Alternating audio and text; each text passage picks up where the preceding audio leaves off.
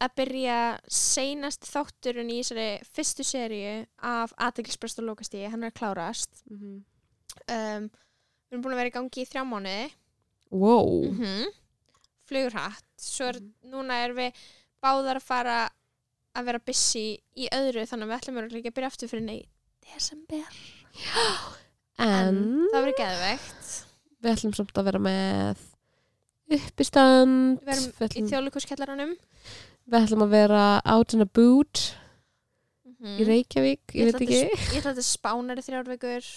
Þú ætlir spánar, ég ætlir spánar til spánar í viku Ég ætla að gist í van, þú ætla að gist á hóteli. Airbnb með föðu mínum Þórarni Leifsinni Mm -hmm. Var hann bæðið við reyður þegar ég rantaði um bróðin? Ég held að ég ekki að hlusta Ógvið.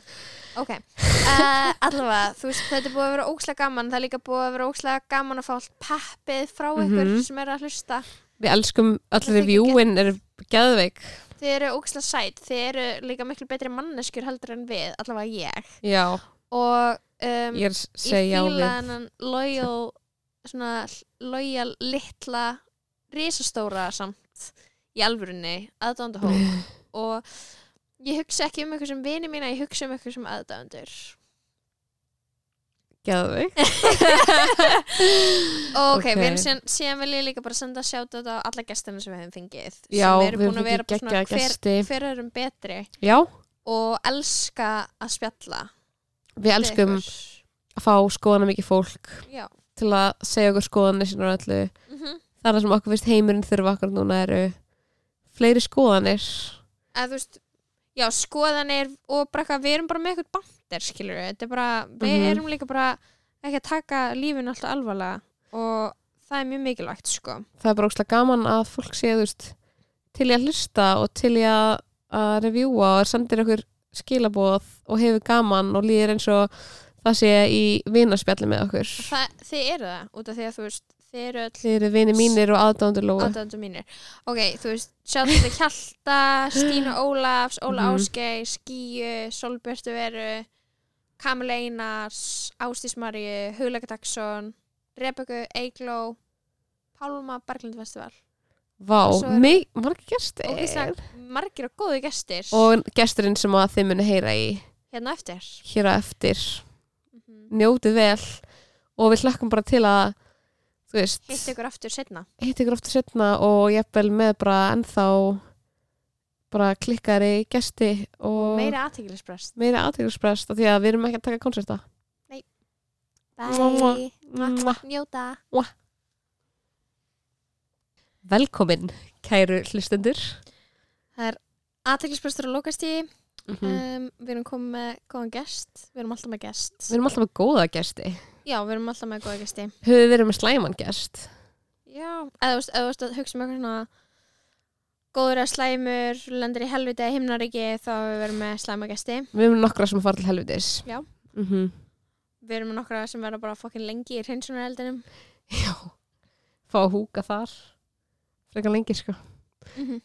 um, En Ég held að gesturinn okkar þessa vikuna sé ekki í þeim hópi Ég held að gesturinn okkar þessa vikuna fari til himnaríkis Já, þegar hún vinnur hjá UN Women. Já, Já, það er ekki nóg samt. ég held að sé nóg Erstu sem bara fullu að sabotasa allt góða karma þetta UN Women bara eftir vinnu. Ég held það, já, ég held það. Ok, ok, kynning gesturinn til sögunar Hún er, hún vinn ekki UN Women Hún, um, er hún tók sjónvarpsþátt. strætó ingað sem er umhverfisveit færðamáti Hún er gift. Mm Hún er uh, rauðhærð Hún er beautiful. Hún Hún er er, hvít. hún er hvít. Mjög hvít. Hún er Hún er mentað sviðsöfundur sem er alltaf bara fokkin mikill geðastimpill allir, þegar allir í herbygginu eru mentaði sviðsöfundar þá, viss- þá veit ég að ég er í bergmálshellinum. Já, þá er eitthvað geggja er að fara að gerast en bara fyrir okkur. já, Já, bergmálshellurinn sko. og, og að við erum svona að fara að vera það er einhver, einhver, einhver gaggríni á menningu að fara að eiga sér stað. Einhver gaggríni á kanónuna. Take down á menningunni sko. á mainstreams menningu já, algjörlega. Ekki, við ætlum að bjóða inn í podcastið hana Heklu Elisabethu Alsinsdóttir velkomin. Hæ? hvað segir þið gott? Segi bara rosalega fínt öllu leiti nema ég beið í 17 mínútur eftir er umlætt Ég vil koma því á framfæri að mér finnst það ekki í lagi. það er alls ekki lægi umlætt Þetta dreifur fram mín á vestu hlýðar. mm já, tökum svona status tjekka öllum. Já, mér, veist, mér er illt í öxlunum og ég er eiginlega að fara að fá tak í bakið þannig að, Oh my god. I wanna die. Ok, Það er þú í ert áttræð Tak nei, ég var rektinni í ger Ú, Ever heard of it? ok, Lóa er að flexa og ég elska það Mhm. uh, ég ætla ekki að segja ég sé sterkar en Lóa eins og ég, ég held Salka reyndi einu svona haldaði fram að við varum sirka jafn sterkar og hún var komin í jörðina pinned down á undir tíu sekundum áður en ég gat Ég held að ég geti setningunni. ykkur báðar.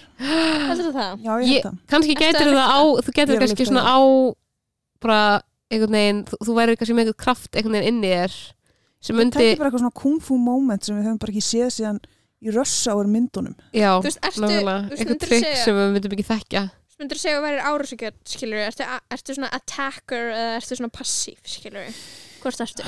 Ég, þú veist, ég get sagt það að þegar ég er mjög fljót að bregðast við ef mér finnst mér vera ógnað. Ok, mm. Þú veist, þetta fljótu upp já, ég er mjög fljót upp og ég, hérna, ég var í karate þegar ég var krakki. mm Þannig að þú veist líka Það er, svona, það er eitthvað svona sem glimtist aldrei. Þú veist, ef einhver hérna, ég þarf alltaf að reflexar Já, þú veist, þegar ég var 12 ára þá var ég að koma út á almenningssalinni og þú veist, litli frendi minn hann var ekkert lítill, þú veist, hann var ári yngri en ég mér fannst hann súper lítill hann kom eitthvað svona og var að bregða mér og bara fyrsta viðbregða mitt var bara að dundra í pungin á honum. Oh my god. Oh my god. Þetta reflex hefur svolítið svona haldist. Já. þannig að menn með að vara sig að vera ekki að bræða heklu Já. á sveitum ekki það, sko. Vá, ég myndi ekki gera það. Ég, er svo mikið, ég var líka í karate en ég var bara ógislega passív skilur þannig ég einhvern veginn held ég hef ekki lært nýtt á því. Ég var alltaf passív í tímunum sem kom ég út og var bara varstu bara rage machine? sko- Ég var sko í ballett sem að þú veist, útskýra okkur í svona fucking toxic. Eins og alla ballir í Vá, þú veist, þú læri það. bara, læri bara eitthvað toxic hugsunarhátt. Þú veist, bara já, vera mjó nei, Bara- hvað læri maður? Ég er að ímynda mér. Að Nei, mjó það er er eitthvað bara- gildi það- kemur er upp í bara- 12 ára. þessi standa á tánum. menningar iltismi, skilur mm hefur með standa á tánum að gera. Það er að gera með það, þú veist, fucking bein í baki Já, með fucking mössulæri. Fullkomnun er aðsta gildið í ballett er mm og svo ertu bara að hlusta einhverja, fucking klassíska tónlist alla daga og þú þú veist, þú verður bara rugglaður í hustum á þessu sko. Þú veist, ég hefði samt alveg gefið mikið af barnæsku minni til þess að vera, með, vera bein í baki í dag. Mhm. Já, Skilurðu? það er góð punktur, maður vannmetu það alveg, þú veist, vel fram á. Nefnilega, sko. Ég var sko Þá fattar maður, ég hefði átt að vera í ballett og ég hefði verið í bein í baki núna. Ég hefði værið toxic. Já, manneskja, ekki, þú veist. Já, en þú verður allavega ekki minni einn svona hrygg vandamál í uppsiglingu. Nákvæmlega. Sko heitasta sem að einhver gæla hefur sagt við mig var bara eitthvað svona herðu, þú ættir að koma í hana fullorðinsballett út á nesi. Og ég er eitthvað horfði á hana, ég er eitthvað já, ok. Uh, já, ég hef prófað sko, ég var í ballett þegar ég var lítil, hún er eitthvað ég sé það. Og ég var bara, Oh my God. ég var bara oh my god Díska that stays with Bókstala besta sem einhver getur sagt við þig me já, bara það sést þú að hafa verið í ballett Það segir engi um mig, Mm. það sést að þú varst í karate, Nei, Það er sést ekki með neitt. Þú ert bara svona bútspanna og varst í karate einmitt, af hverju er sem ég og Hekla augljóslega vorum báðar bútspann augljóslega. Og þú veist, ég, sko, þegar ég var líka í karate Mhm. og ég var í grunnskóla á sama tíma auðvitað og það var svona bulli sem var alltaf að hérna flengja stelpunar með svona priki í fríminútum, það var ógslag kallt og Classic. vond að vera svona whipped Já. á rassin og einn daginn það bara brjálaðist brjálaðist ég og ég pakkaði hann saman og ég hengd hann upp á snaga. Ég hengd hann upp á snaga. Er til eitthvað flottara? Vá, það er flott sem ég heilt í púla ég var alveg alltaf að púla eitthvað svona í Það er grunnskóla þú feminist icon sem bann veit, Mhm. mm -hmm. ég var samt, þú veist svo var ég kallið til skólastjórans og mamma mín og hérna og svo sagði skólastjórinn í yngarsamtali um mömmu mína að ég væri greinilega eitthvað svona disturbed. Og mamma var alveg, já ok, en hvað meina strák sem er, þú veist, bara er alla. að terrorisera alla stelpunar í Já. bekknum er eitthvað að honum, það var bara svona nei, nei, hann er bara svona strákur. Ég lagi með hann bara. Þetta er bara já. story of bara grunnskóla ára mín. Svo fenn maður eitthvað, þú veist, svo vex maður úr grasi og kannski smá svona þú veist, já, ég veit ekki, maður er eitthvað svona smá ekki reyður úlingur en maður svona passa sig á yfirgangi kallmanna Mhm. og þú veist, það er einhvern veginn það er alltaf bara svona sama hver á hvað stíi maður er að bregðast við einhverjum toxic hegðun kallmanna Mhm. þá er maður sjálfur alltaf vandamálið Mhm. bara alltaf, bara maður er í grunnskóla ef maður svara fyrir sig þegar strákar er eitthvað að leggja minni einhaldi eða leggja eitthvað vinkonum hans í einhaldi Mhm. og ef maður þú veist, svara fyrir sig í mentaskóla þá er maður alltaf bara eitthvað þetta er, þú veist, ég veit ekki, þetta ekki enda svona, ennþá svona, eða skilur, ég veit ekki I don't know, Mér finnst allt vera ennþá jafn eins og það var í grunnskólum. Ég var sko, þú veist, á MeToo ráðstefnu í síðustu viku. Ok, se, tölum um hana, please, tölum um þess að mítúraðstefnu já, við getum talað eins um hana. Hún var geggjuð. Ok, en hérna, bara svona út frá því sem þú varst að segja, að þú veist, hérna þeir sem bregðast við er alltaf vandamálið. Mhm. ég er sko búin að eignast margar nýjar fyrirmyndir uh, eftir MeToo ráðstefnu og eina af þeim er Emma Holten. Ok. Það er ekki til hennar nei, ég sá að fólk var að tala um hana hún er dönsk stelpa sem að uh, uh, lendi í stafrænu kynfyrsóbildi Mm. fyrir nokkrum árum ég hafði pottið séð einhver svona greinum og hún ákvað að taka völdin í einn hendur og byrti bara nektarmyndir. Akkurat, já það var alveg mjög væral sko Mhm. en hún var að tala þú veist sérstaklega um þetta af hverju við alltaf vandamalið og hún Mhm. stilti sest, fólki upp sem annars vegar þú veist svona hysterics sem er sko gott og svo the mild mannered woman Mhm. þú veist og hérna og um leið og þú ferði yfir einhverju svona þú veist línu þar sem þú gaggrínir uh, hluti sem til er að feðraveldinu þá veist þá ertu orðin hysterikal og ómarktæk og það er allt gert til þess að einhvern veginn svona, uh, taka credibility frá þér já, Mhm. á hvað það er satt 100% sko og þetta er greinilega eitthvað sem við þekkjum alveg frá því í grunnskóla. Já, maður veit reglunar, þú veist, það er það sem er skrítið við Me Too. Þú veist, ok, að því ég er rann pínu svona, ég átti pínu erfitt eitthvað svona erfiða erfiða tilfinningar í kringum þess að Me Too ráðstöfnu mm. að því ég mætti sko Talk, ég komst bara á ég komst bara á eitthvað loka í vendin og þá, ég var ekki að segja þetta því að uppbólsriðtöndurinn minn Roxanne Gay Mm átti að vera að flytja loka erindi -hmm. Og hún komst ekki en hún var með erindi í gegnum Skype sem var líka geðvægt skilur mm. og síðan, og ég náði líka einhverju svona einhverjum ræðukonum sem voru í kringum þann event hún komst Og- ekki út af ekki eitthvað svona út af skipulagsleysi hún var bara að reyna að fljúa til landsins og einhver, einhver svona skipting, eitthvað, þú veist, eitthvað flug og þegar hún þurfti Mhm. að taka fjögur flug til að komast yngað eitt af því var bara of mikið delay þannig að hún hefði Misst af aldrei náð hinu. að komast yngað það bara raskast einhver sko. keðja klálega sko, Já. þetta var klálega bara þú veist, Bara eitthvað sem, bara óhapp sko Já. og ég líka, þú veist, það var alveg búið að tilkynna og eitthvað, ég hafði bara ekki tekið eftir en hérna, ég þekki stelpur sem fór að gráta sko, þegar þetta var tilkynnt af því þær Ó. komu bara til að sjá hana skilur. hún er best Æ. sko.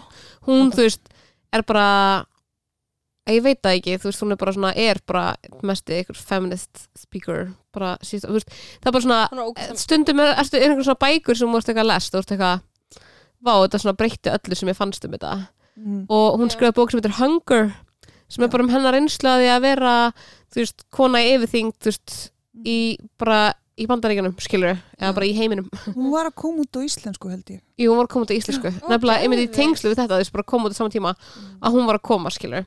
Ég og þannig að það er geggjað, mæli með. Ég elska það ég get verið í podcastin eitthvað. Ég las bókarni fólk er bara, fólk er kjálkar hlustenda er á gólfinu, sko akkurat núna ég fyrir samt svona fjórum samt. fyrir fjórum árin þegar ég las um þetta bækur, ég var ekki búin að fyrir lista á skóla þannig ég hefði ennþá áhuga að lesa eitthvað Já. Einmitt. Um, Ok, Svona þú varst að tala að um- vera í gamla dag í fjórum árum það var ótrúlegt Þú varst að tala um eitthvað svona MeToo-ráðstöfnun og tilfinningar já, já. þú veist, basically þá var ég með eitthvað svona pínu svona erfiða tilfinningar sem ég fannst því samt alveg mega, þú veist, Já. hafa, skilur Mm. sem var eitthvað svona, ok, það kom alltaf upp að það var hérna verið að halda veist, svona panel um, um málefni hvenna með föllun sérstaklega og það var svona illa mætt og eitthvað þannig Mhm. og ég var eitthvað, þegar ég las þetta var eitthvað ég var ekki hana eða skilur, Mhm.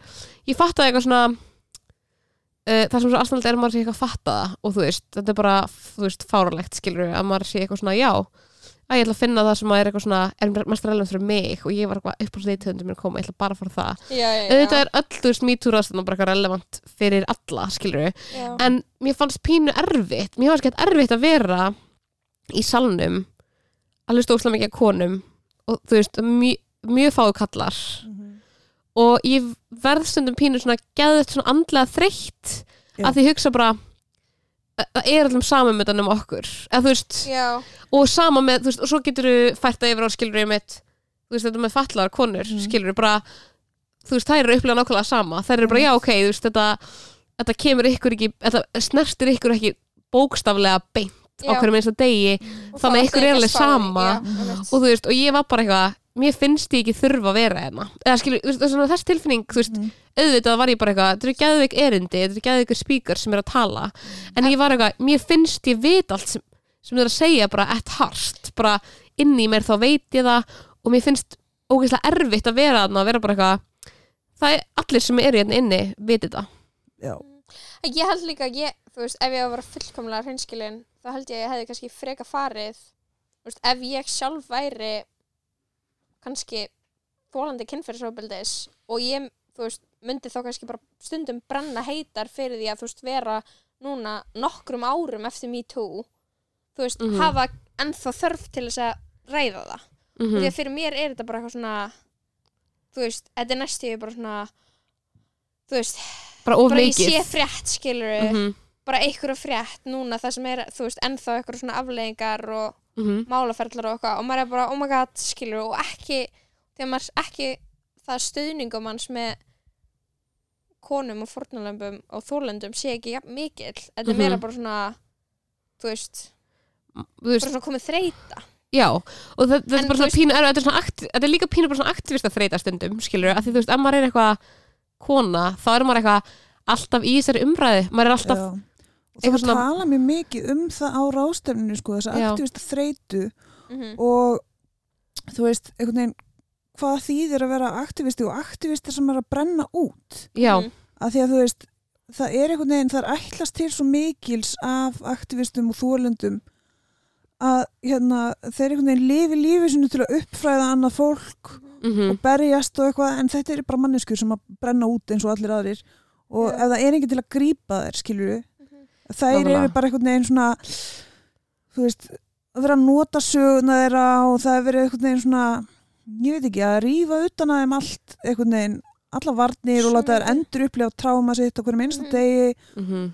Í þá einhvers annars og svo er enginn sem grípur þessar Mhm. konur. Enga veginn. Og hérna og svona skilabóðin sem ég tek með mér út úr því er, er hlúum að aktivistunum okkar betur. Mikið. beautiful. Vá, ættum að vera með sem sviðsögundar með aktivista bara svona he heilsugæslu þar sem við værum bara komið hingað og leggja ykkur Já. í öllu mjúku.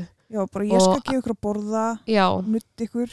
Og við spilum bara svona slökun og tónlist og eitthvað. Mhm. ultimate slökunin væri náttúrulega hlutinu myndi breytast. Já, það væri já, þú veist, það er the sad truth skilur, en svo er maður bara eitthvað að skoða fréttir og er eitthvað, já þetta og maður er bara eitthvað veist, mér finnst þetta að vera svo mikið svona sko líka, ok, þólendur náttúrulega bara eitthvað eru líka að díla við bara áfallastreitu Já. og bara svona bókstala þú veist, Mm. geðkvilla og bara líkamlega einkenni Mhm. skilur við ofan á það að vera eitthvað aktivistar og vera alltaf endur upplifa og, dundu, og, og maður er sjálfur eitthvað svona að upplifa þessa þreytu sem getur bara komið fram með því að skoða þú veist, vísi skilur við, þá er maður alltaf bara nei þú veist, hverjum langar að lesa explicit grófar lýsingar á kynferðsofbeldi mm Man hver langar verður ekki- Þú veist, á, á köflum þá vinn ég við það veist, já, já, þú en getur þú sagt okkur, þú veist, af hverju þið fann skeðið á MeToo-rástofninu þegar við erum bara voru að tala já, um sorry, eitthvað já, ég sem- þurfti bara að taka einhvern já, svona út af því að einhver þú veist vinkil sem ég var pínu, búin að vera pínu svona skammast mín fyrir, skilur ég þurfti bara svona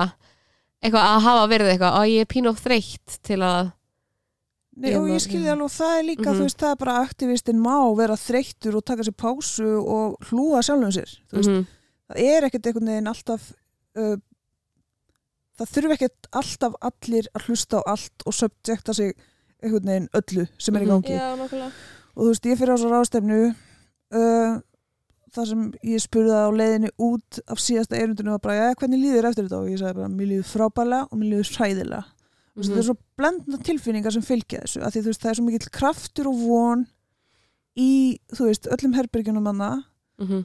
og þú veist, það er svo rosalega margt sem maður lærir af því að þú veist, ég held ofta að ég sé bara eitthvað full skóluð í mínum feminisma Mhm. og svo er maður bara slegin í andlitið aftur og aftur og aftur með nýjum upplýsingum og maður bara, wow, ég vissi ekkert eða þú veist, Já, og hérna uh, teikið er, var svolítið mikið um, í kringum hérna interse intersectionality í Mhm. feminisma, er komið eitthvað gott íslenskt orðið í það? Er það eitthvað samtvinnun? Að Það er hérna, það ekki er- komið gott orð Nei, sama, en það hefur verið notað að hérna að sem sagt, feminismi virkar ekki nema að það sé allir Mhm. hérna Þú veist, það var bæði rosalega mikið talað um það og svo kom það líka í ljós í umræðinu eftir á og meðan sérstaklega einmitt þegar fallað konur uh, til þessum hérna, vonbriðin sem þær upplýðu Mhm. Mm. sem að ég bara, ég er búin að vera mjög hugsi yfir sko. Mhm. ekki það að ég þurfa eitthvað að gera upp við mig hvort að, að ég er rétt á sig eða eitthvað, það er bara svona, já ég læri, læri að því Já, þú veist, já og Já. hérna þú veist, og ma e maður er kannski þó maður halda að maður sé ekki, þá er maður oft svolítið svona hvítur og eiblist í sínum feminisma, að því að 100% hérna maður er kannski að horfa á út frá sjálfum sér og því sem maður veit uh, sjálfur og gleymir því einmitt að hérna uh, að það er bara einmitt fyllt sem að það er ákveðnir hópar sem er, þú tilherir ekki sem eru mun berskjaldari fyrir ofbeldi Mhm.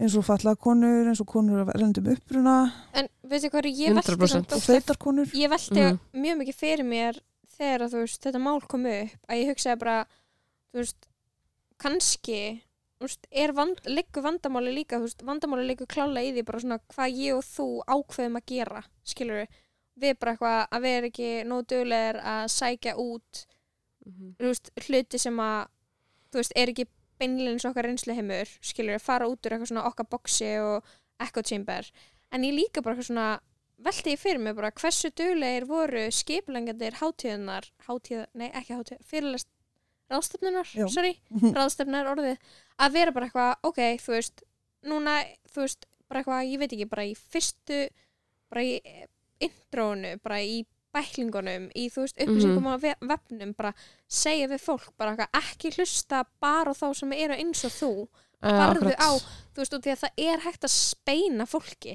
þú veist, Mhm. fólk sem skipulegir ráðstefnur og tónleika og listaháttíðir, það kann að beina fólki og þú veist, það hefði verið hægt, hægt að, þú veist, ég veit að verður bara allt sem var prógrammer og var gott, skilur, átti ég mikið Mhm. rétt á sér, en það er smá svona eitthvað, þú veist, farð þú kannski hugsaðu um Já, hvert þú akkurat. ferð, skilur við, Mhm.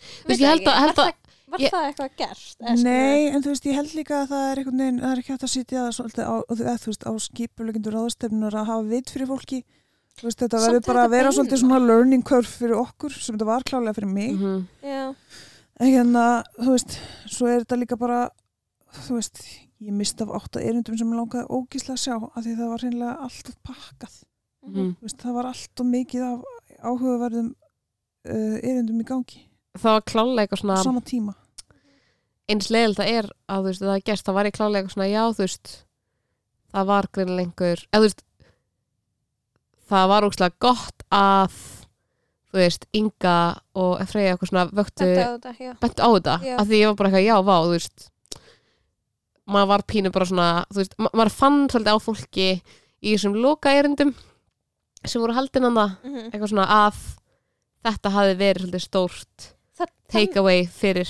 fólk Já, veist. þannig já. er bara, finnst mér feminismi vera mér finnst þann bara, já, þú veist, ok klálega hvítir feministar sem eru við þrjár og bara allt, skilur við bara get umulegir oft, skilur við þú veist, bara með Mhm. umulega pælingar, skilur við Mhm. en, þú veist, mér finnst samt feminismi alltaf líka vera bara, þú veist að breytast já, instantly Hann verður að vera þannig. bregðast við, Mhm. skilur við hann er í stöður í þróun og þú veist, ég veit ekki, ég sem feministi er í stöður í þróun og þið vantanlega líka Mhm. af því að Mhm. það er, þú veist, það er koma svo mikið af upplýsingum upp á yfirborðið núna svo hratt, einmitt í kjölfar MeToo-byltingarinnar mhm og þú veist, við erum að grafa upp bara haug af skít og drullu sem hefur ekki mótt tala um Mhm. í hérna hundruður eða þúsundur ára. 5.000 ára. Það er alltaf að fara að vera messi sko. það er aldrei Það að fara að er vera messi, og þú veist- verður ekkert full skóluð í, í, í feminisma það er bara, það er Mhm. svolítið sem ég læri það, hérna, Love. það er alltaf nóg að læra þar. Þrý sviðsöfundar sem eru hérna að greina Við getum alveg, ok, þú veist, maður langar alveg að tala um, skilur, að við höfum talað um aðra feminista hérna og fengið smá, kannski, hvað maður að segja, feedback á það? já, Hvað getur maður, hvað getur maður sagt, skilur? þú veist, ég myndi ekki, ég myndi ekki segja ég myndi ekki segja bakklasan þannig, ég myndi bara segja þú veist, að kannski það sem við sögðum bara vakti neika viðbröð hjá uh, fólki sem að þú veist tóki persónulega, já, skilur já, já. En þú veist, og líka, þú veist, þá maður bara eitthvað að hugsa, skilur, hvernig, þú veist, hvernig erum við líka að kenna hvor annari, veist, á hátt sem er, Mhm. þú veist, næs, út af því Mhm. að, þú veist, stundum, en stundum er líka fólk að beinlínis gera eitthvað sem er bara svo toxic já, og maður, og þú veist, ma og maður er bara eitthvað svona móðgæður, eða þú veist, maður er svona brjálast. maður má eiginlega ekki taka eða þú veist, ég veit ekki fyrir mér er bara eitthvað svona feminismi, bara eitthvað, þú verður að vera svolítið auðmjúk fyrir því að fólk sé að fara að benda þér á einhverja aðra vinkla, skilur, að því einu sinni var ég bara eitthvað þú veist, ég verið mér svo mikið af ól, skoðunum. sem að ég þurfti síðan að endur skoða Já, Mm. einmitt. þú veist, bara frá því ég var í mentaskóla, skilur ég bara, ég hlóa að möðgunabröndur þegar ég var 16 ára, skilur og svo var ég bara, já, Eh. og svo fær maður í að vera eitthvað, ok, feminism, ok þetta skadar, þetta er skadalegt sem mín hegðun í þessu, eitthvað skilur eitthvað Og svona, bara, þú ég get komið út úr henni skilur bara svona eins og hjá mér skilur það sem er breyst sen ég var úlinga var bara svona hvað ég held að trans væri og hvað Já. kynlífsvinna er skilur og þetta 100% er bara svona stóri í hlutir dag skilur þetta er bara það sem hefur breyst mest Mhm. og þetta er svona orðið svolítið svona stórir pólar líka þú veist, þá hugsaður um mikið. trans uh, útilokandi feminismi, skilur Já. er eitthvað svona hreyfing sem var eitthvað, ok, mjög toxic bara eitthvað þú Dæmi. já, okay, ég Og ekki að endur taka það sem að segja en þú gef ekki, þú veist, kynlífsvinnu einhvern veginn þeim sem eru í kynlífsvinnu, þú veist, já, rödd skilur og að vita hver munurinn er á því og mannsali. mannsali skilur sem er eitthvað. Hann að þetta er, þú veist, maður verður að vera í allir einhvern svona réttinda dæmi þú verður að vera bara eitthvað að hlusta Mhm. og vera bara eitthvað, ok, hvað þú veist, hvað get ég lært, hvað getur alltaf vera tilbúin til að fræðast og hlusta á sjóna með annara og já, hún mátt aldrei Ætlar hann svona að kalla hana? staðna sko. Jók! en samt sko, þetta er samt svo sagt ok, maður er einn eitthvað, ok, við þurfum að vera tilbúin að hlusta og taka við sjónum með um annara og svo bara svona byrjar gaur að útskýra fyrir manni að maður hefur rámt fyrir sér þá er maður bara eitthvað já þú getur náttúrulega ekki þetta verður alltaf að vera Já, já, en þú veist, stjörnusævar máli útskýra fyrir mér af hverju ég hef rámt fyrir mér um einhverja kenningar sem ég hef um, um hérna stjörnufræði einfallega vegna þess að hann er Já. uh, fagmaðurinn ú, þar ég myndi elska að hann ekki gera það. Ói, Já, væri- okkur það segja þetta. Bara alltaf að láta þér líða svona. Ég bara er langar ekki oh my god. En En- þetta elska hann myndi gera það bara elska ykkur stjórnufræðingur myndi menn ekki mansplaining, ég meina þú ert að tala um eitthvað sem þú um veist meira um óumdeilanlega gerir heldur er einhver annar.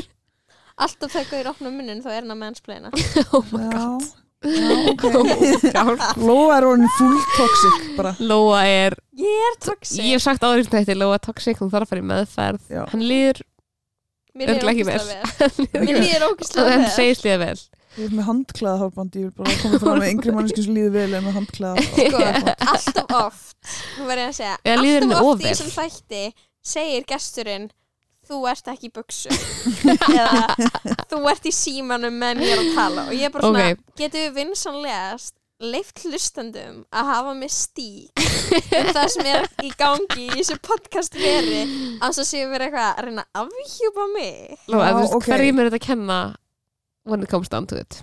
Ég er bara að segja kannski getum við þóst vera bara allar í power suits að taka þetta á 30. hæð í ykkur glerbyggingu. Mhm, í skugakörinu í Ég vil skuggakörinu bara komið fram að ég er mjög sexy og það er engin líi hérna í Mm. kvöld þú er mjög sexy. Þú ert í, Ég er fake fur. Hún, hún er í fake fur og hún er í silki náttkjól Já. Eller, þú Kom ert í honum í nátt- strætó. þú ert í náttskirtu ég er náttskirtu mér líði mér vel Þeir, Nú Ok. erum við perrar, við erum Hva- bara að tala um hva, í hverju við erum hvað er, ok, samt, hvað er menningamónt vikunar út af því að þú veist þannig að er það, er það sem í túrastefna eða? Það Ræ- náttúrulega- það var í ræðan síðustu hennar viku. Það var í síðustu viku.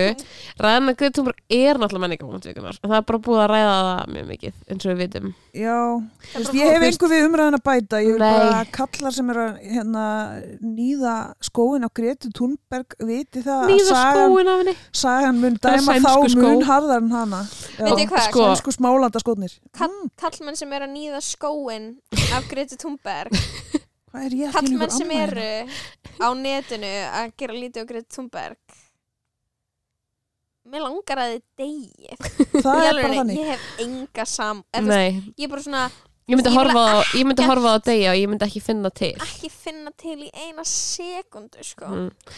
En sko, það sem ég hef bara búin að hugsa með hana er eitthvað svona Það- Já. Vá, þú veist, hversu ég hefna, er ekki svolítið langt síðan ég man ekki eftir neinu einni mannesku sem er svona iconic um, sterk fígúra.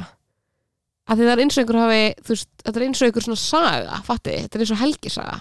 Já. það er eins og Jóhanna var Mér finnst sko, mér Malala? finnst hún vera Jú, svona, ég einmitt að að segja, ég- Malala er svona undanfari Gretu Thunberg, nefnilega. Náttúrulega mjög sko, að ólíkar aðstæður og, og bakgrunn, mm bakgrunns hérna uh, wow ég, ég blokkaði út, tala þú Datt samt út. Já, ég og ég er með hann ég er með hann. Ég er hann með er sínum lokastegum sko. aðtiklisbrestur er að eðilega lífið mitt hverjum einasta degi.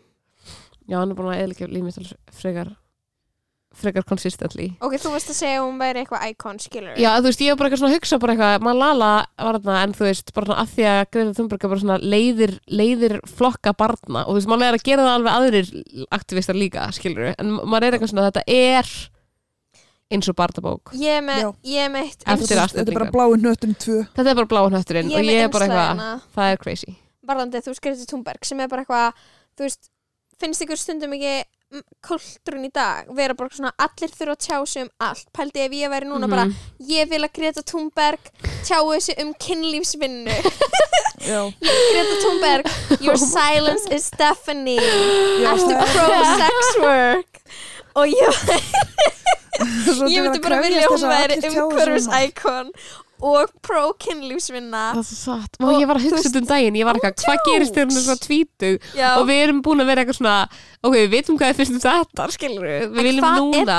Hvenær ætla að tala um eitthvað annað með fullri viðingu Hvenær ætla að er um- endorsa í bandarísku fórsetukostningunum eitthvað svona þannig dæmi. Og líka bara pæliði, við vitum hvað hún stendur í umhverfisvend en hvað hún er bara turf hvað hún er bara trans-exclusionary radical feminist eða swerve ok, sko, eða, ég held að máli sé að það sem að sé að fara að retta því er að, er að hún er með Asperger, skilur við já, Þannig að hún er bara- hún er bara að fara að vera eitthvað svona ekki vera með skoðanir áninu sem hún er ekki bara búin að pæli í ógísla Já, mikið. þú myndi aldrei tala út úr raskatinn á sér um neitt. Nei, það er nefnilega, það gæti bjargað þessu öllu saman, skilur við hún verður aldrei problematic queen. Ég held að hún væri aldrei í einhver podcasti að ranta og myndi óvart eitthvað svona að tala af sér og segja eitthvað. true, true. fatti, Hún myndi aldrei segja eitthvað svona Þú veist, ég vil að þessi menn sem er að skrifa mig á netinu Ég vil horfa á deyja Ég mun ekki finna neitt. Ok, við þurfum ég held að hún myndi ekki segja ég vil halda áfram á þessari vekkferð að fá skoðun allra á öllu sem er bara núna þarf Guðni TH að speak up for sex work ég vil vita hvar hann stendur já gagvart kynlífsvinnu bara ef ég á að fá að vita hvað hann Ég finnst get um annars á kosið pítsu hann. ég get ekki þetta. hann nema ég viti að hann standi með vendiskonum Ég, hérna, ég nenni alls ekki að tala um þetta sko. ekki oh my god, ég finna að við erum fucking ósamála Nei, þrýr alls ekki. sesundar. ég er ekki að segja þess vegna Ég við erum ofsamála Ég bara nenni ekki að fæna nota topic skilju En ég er já, já, sammála já, já sko. Inn á hérna- toppikið að allir hafi skoðun á öllu Já, Guðunni hafi okkur það. það er ógíslega fyndið Nei, ok, en sko Það er feministar, bara- feministar eru svolítið mikið bara, ok, ég sé að þú ert að segja þetta tala um þetta líka Mhm. Já, mér finnst þetta óþúlandi, ég er svo fegin að hafa aldrei staðsett mig eitthvað þar sem fólk er að krefja mig um skoðanir mínar á hinnum ýmsu málefnum. já, já fólk kemur sér í þessu stöðu þó Já, ég bara Ég held segi, það, ég er sko. að því ég að- sé ekki þar, sko. halda podcast stundum þú veist, of engin, lengi engin Ég lofa beður okkur um að segja neitt og því að það er nú þegar til offrambóð af okkur að segja hluti. Það, fólk er bara ekki eina skoðun í viðbót. Og við erum bara, wait, ég ætla að tala um kvikmyndina Ratatouille skilur Mhm. Þeir eru búin að svara öllum mögulegum spurningum sem nokkur geti borið upp. það er ekkert sem að hlustandi þessa podcast veit ekki um mig.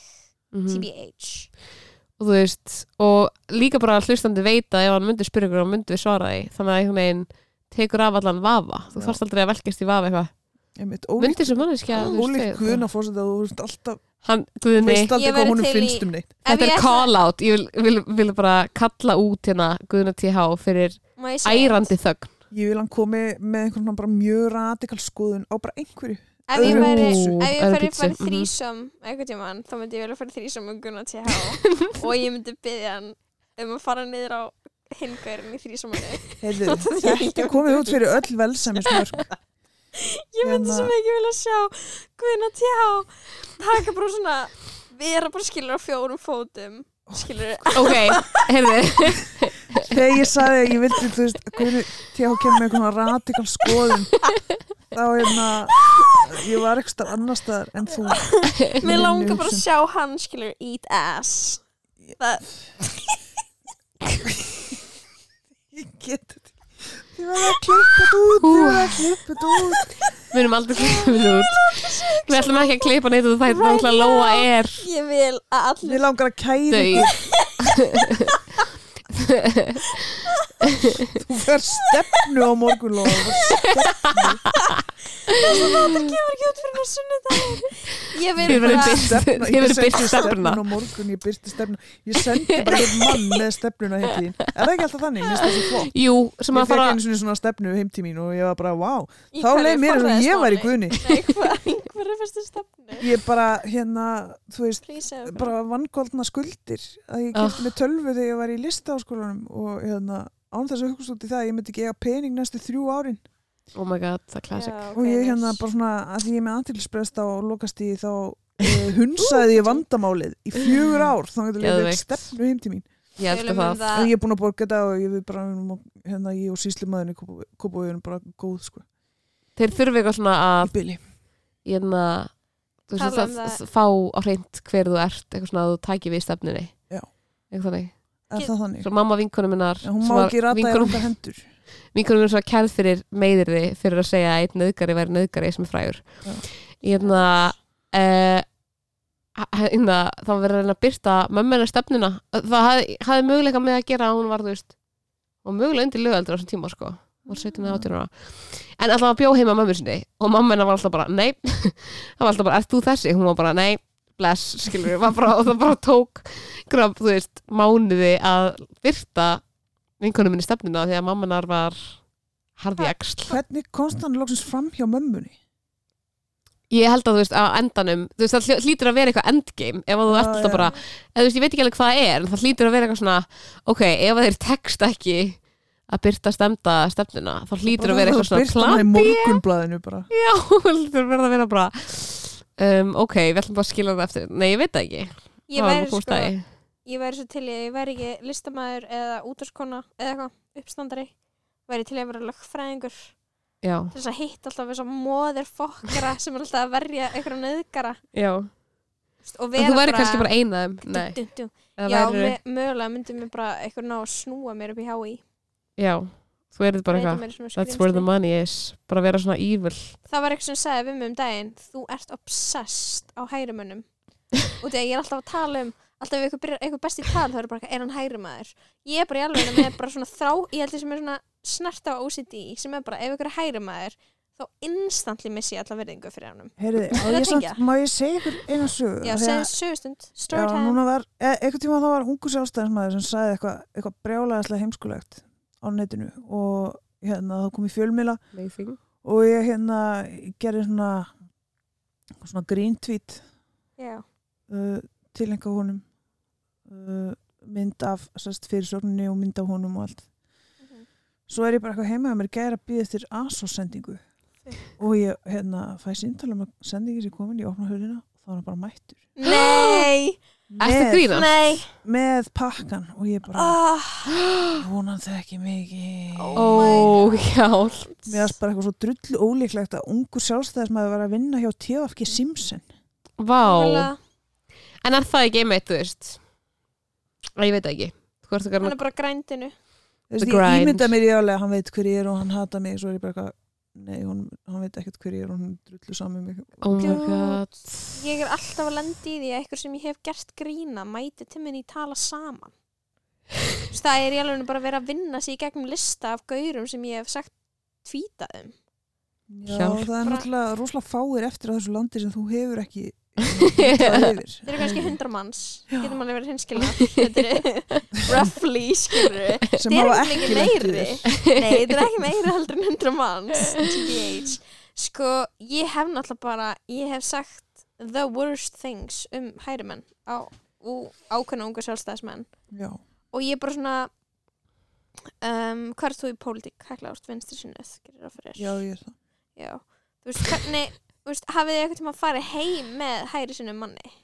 Nei, Sorry, við og mér er þetta að einu sinni þá strandaði rosalega gott hösl hjá mér á því að í lok uh, hérna samtalsins kom í ljós að hann var framsáknarmæður og ég var vinstri sinu og við bara svona horfum okkur annað og það var svona bara, mér langar svo en þetta er aldrei að fara að gerast. Oh my Vertu bless. god. Tölum bara ekki meira saman Hvernig, Bara ótrúlega gott samtali í svona þrjá klukk hvernig getur, sorry, hvernig getur Magnað. framsóknarmæður verið heitur út af því að það er 100% correlation á milli þess að vera framsóknarmæður og fucking ljótur uh, nei, sko, ok Jú. ég ætla Sorry. klálega að vera á því að sko, mér finnst eiginlega ekki skríti Málega, ég skil þetta að enda svona hjá heklu en á sama tíma skil ég ekkur þið náðið saman af því að margir framsuna menn eru bara einhverjir bóndastrákar Já, þetta er svona sæti Nei. bóndastrákar Jú, þú veist, framsókn er alveg betur en vafgi ekkur núna Já, og þú veist, og ef þú býr til dæmis á fáskursfyrði eða eigilstöðum Mhm. eða eitthvað, Gross. þá er ekkert annað í bóði en að vera. Víst, Nákvæmlega. það er Var, hægt að núna er- lesa eina grein og snúast hugur Nei, þú veist, Já, þú veist, þú hefur Framsókn er ákveðna bara- hagsmuni sem að þeir eru að sjá um fyrir þig Já, út á landi. mhm Og, Mér finnst það bara pínu hot sko. hver er Já. hagsmunur, hagsmunurinn Þú veist, bara hyggla bændum og eitthvað. Já, bara eitthvað svona að pæla í þér og þú byrjuð á landi og tala um þig stundum skilur og þú veist eitthvað, já, allir bóndar út á landi sem kjósa framsókn eru nazistar oh my god Það að það er nasistar. einhver svona, alveg svona brjálæðislega afgerandi meira tóksik en ég en inni. Já, ó. Æðislega. það er það sem að lóa þú ég ætla gefur gestum okkar Já. er að Bara- að Að svona ég er bara auðvinn í þessu tríói hérna Þú Er Auddi mest ég er auðvitað er ég sveppi? Mér finnst auðvitað vera svona langmest hérna svona ein, einlægasta gaurin á því. Já, ég held það. Mér finnst Simmi, er- Simmi er hann er hrættur um að viðurkenna hann sé bara hrættu við dót þú veist. Og hérna og sýnir svona einlæg viðbröð hún er með brugðið þá er hann reyður eins og ég og ég tengi mest við þeir auðvitað allir vinni gæli sko. Strákunum. Eh, En Simmi er toxic. Já, hann er tóksík, hann er líka frá eilstöðum og hérna hann fór á sama sjálfstyrkingarnámskeið og ég hann var, hérna, hann var Ljúa nei, ég og í Simmi í daga. Sim og Jói fórum á sama sjálfstyrkingarnámskeið sem heitir Máttur og, hugans og hvað hefur hann gert við það? Hann hefur hann hefur orðið talsmaður bænda á Íslandi og hvað hefur þú gert við það? Ég er bara hér, ég er með podcast. Auglust hvað nýtti tíma sem betur. Já. Nei, hann nýtt, nýtt hann til illra verka. Hann er bara hann er fucking the worst. Ok, nú getur ekki mikið simma í ég Tala ætlaði, saman. ég ætlaði ekki að tala illa um neina persónu sem þætti þú þurft að Jú, gera það er áttar að gera. Það er rosalega það er fucking, Sko, það er best. En ég er samt alveg klálega bara eitthvað 70 mínútur. Simmi er mest toxic Ötti er að reyna að balansa Sveppi er Simmi- chaotic evil. Nei, ok, sko. Simmi Hann er alltaf það er það með Jói voru svepp á. Twitter? Mér finnst enginn finnar á Twitter er en ekki chaotic evil. Hann er chaotic evil. Hvað meinaru? Hann er, hann er neutral hann er, hann er neutral Hann er svo neutral. góður, hann Hann er er neutral, neutral. Ég var Hann er með honum í tökum í dag og, hérna, og það var svona fullt af börnum. Og hann var bara svona að tala og leika við börnin allan tíman og ég var bara eitthvað, þú ert svo hólsom sveppi þú veist, allavega á daginn. Á daginn, Hólsum á daginn. Ég veit ekki Á hvað hann gerir á nóttinni. kvöldin. Ég hérna býtu hvað er það að gera mér Við þurfum að sensura lóu í þessum þættandi og það er alltaf lagi, það er svo ennskum ég held að það þurfi bara svona, við þurfum að losa Ok. okkur við hann úr herbygginu Já, eitthvað tilfinning. Við getum beðan um að fara Þetta, er- þetta verður aldrei að fucking wild og þegar Salka sem hún verður léli að gefa handjobs. Ég og allir margt voru sem að heima og ég svo bara Já, ok, ég er að reyna að hætta að segja hluti um kynlífið þitt. uh, nei, ég er bara svona að reyna að hætta að segja tala af Er mér í handjob kynlíf? Það er það sem ég langar að Nei. vita ég hef sopnað í miðju handjobi. Má ég að og það er ógætt að skiljanleg. Það er svo skiljanleg. ok, hekla er samt gift þannig að kannski er hún með eitthvað svona góð ráð. Ég hef ekki þurft að beita neinum svona handjob skills í mínu hjónabandi. Nei, það er, það er minnst valuable skills, er það ekki? Já, það er bara, Ég ætla þú að fá að nennir segja ekki það. að ríða lengur bara ég hef ekki þurft að nota my handjob skills síðan ég var 17 ára.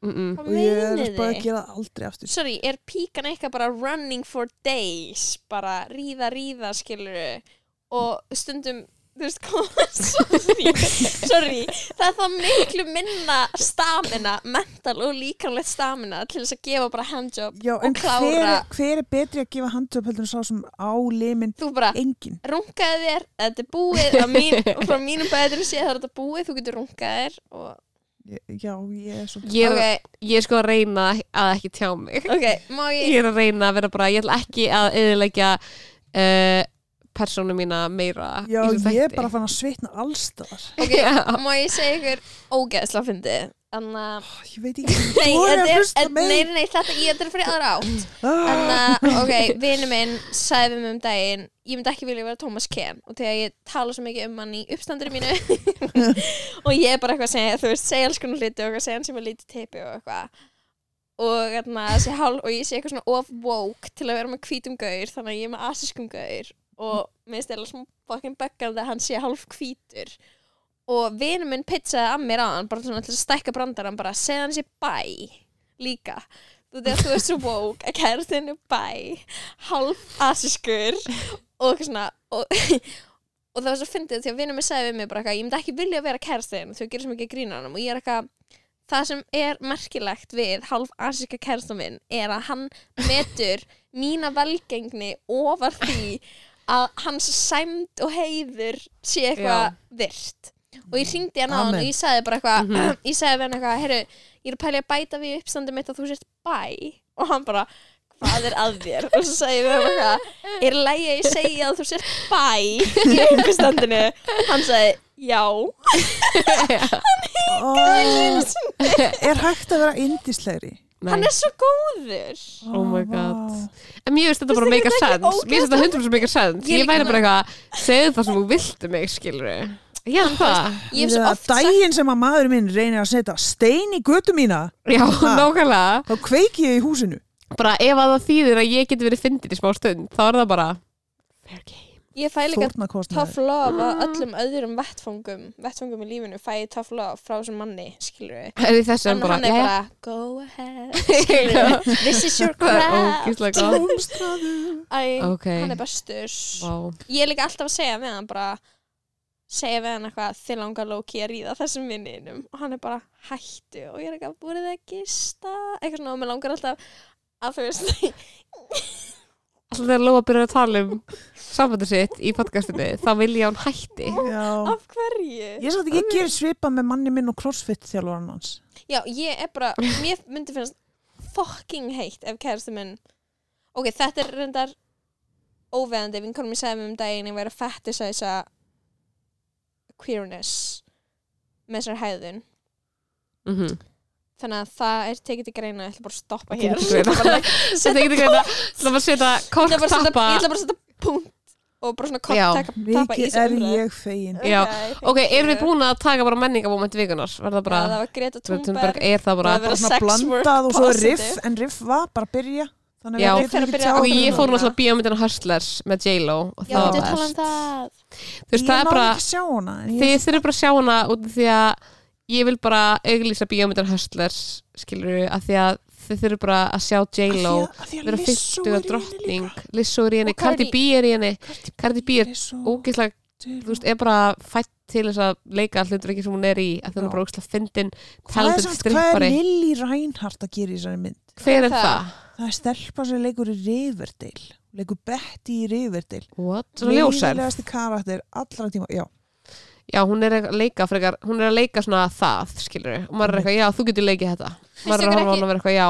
Finnst ykkur ekki pyrrandi Meina samt við þessa mynd að þú veist það séu bara fengið einhver heitustu selefin núna og maður er eitthvað svona þú veist kom það vel út og því maður er stundum svona eitthvað, oh my Mhm. god, þú veist, þið fucking borguðu örugglega ógeislega mikið svo að þessar vinsalustu popstjörnur væri í myndinni þær mættu örugglega í svona fimm mínútur í tökur, skilur við Já, veist- svona einn dag já, allavega. einn dag og maður er eitthvað svona það hefði verið að, þú veist, það er þetta jútilæsa og harnessa fucking þeirra gáfur og snild Já, og já, karisma já, ég, ég er að tala á þess að við séð þessa mynd en mér finnst bara svona þegar að frækt fólk er með cameo já. til þess að koma með auka aðtegli á myndina Mm maður er eitthvað svona, oh, þú veist, Mér you could en do so much more eitthvað Ég held að ef að svona, þú ert svona popstjarna þá er gett næs að debjúa í einhver svona þú veist eitthvað, eins og Cardi B er bara geggið og ég var eitthvað, vá, ég sé gett fyrir mér að hún Mhm. muni leika meira, ég var eitthvað svona Mhm. hún mun, þú veist, koma sterkinn Lizzo, þetta er bara svona ógíslega mikið moment in time fyrir hana, því ég var eitthvað Mhm.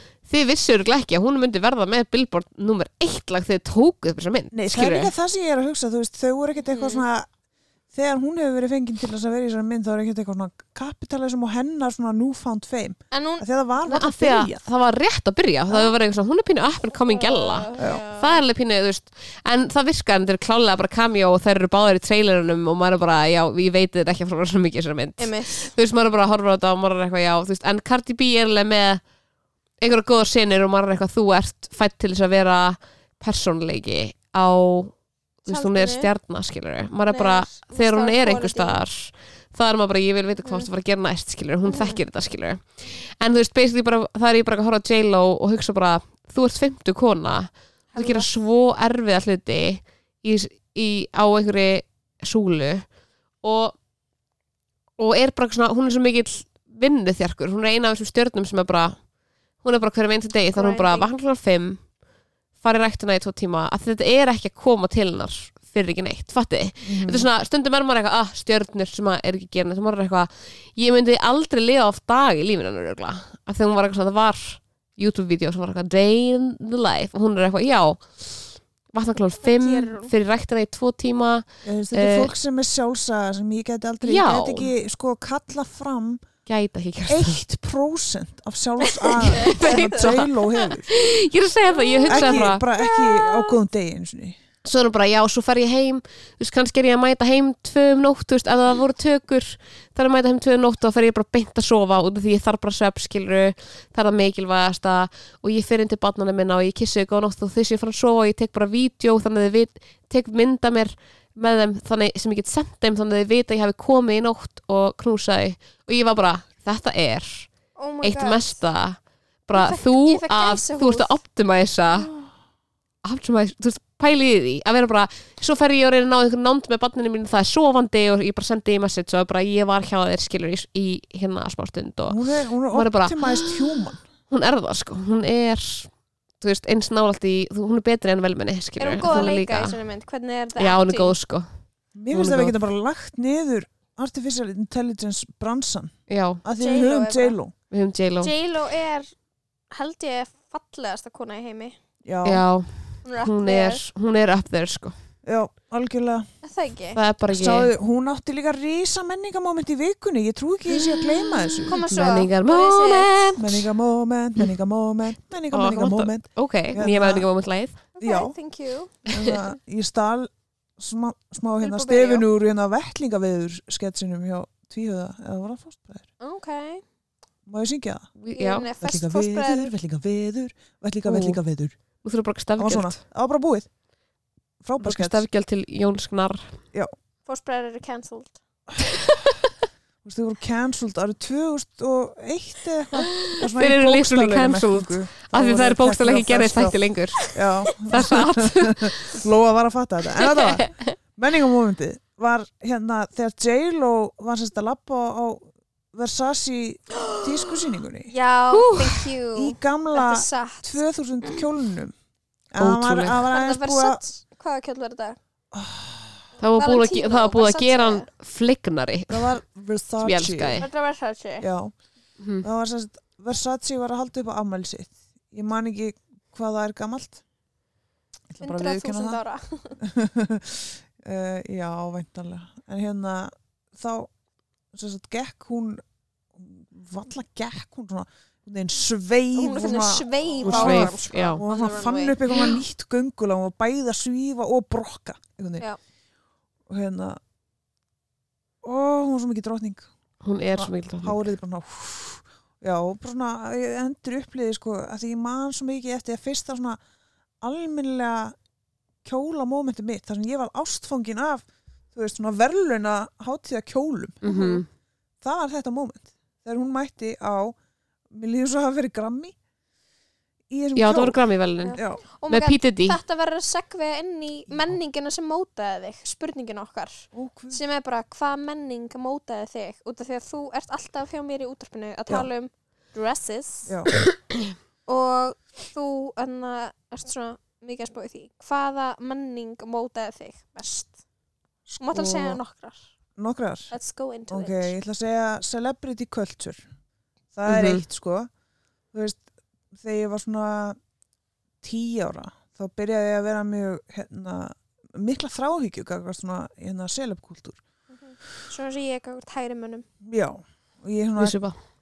tók hérna mynd, myndi mánaðarins blöðin alltaf uh, þegar ég kom út og ég Rétt. myndir af upp á stjörnunum mínum Mhm. og hérna, þú veist, og ég svona veggfóra einhvern veginn rúmi mitt með hérna uh, sem plaggutum Mhm. uh, ekki plaggutum, heldur svona þú veist ah, hvað heitir það? svona úrklippum Já, svona úrklippum með litlum svona pósterum úr myndbönd mánaðarins já, Já. já, um og hérna ég teiknaði mín ein uh, sé og heirt blöð þú veist og ég hlustaði mjög mikið á tónlist bara FM 957 allan daginn Mhm. frá því fymta bekk eða þú veist, ég kannski hætti núna en hérna alveg það endist alveg vel upp í 957. nýjunda bekk um, já, celebrity kultúr Og hverjir voru þú veist uppbóls í stöðuna einar þú veist, ég var mjög hrifin af Nicole Kidman þegar ég var krakki Ú, ok, pínu svona hipster svona. pínu hipster val hjá barni, fattur við? já, kannski. Jim. Carrey náttúrulega líka Mhm.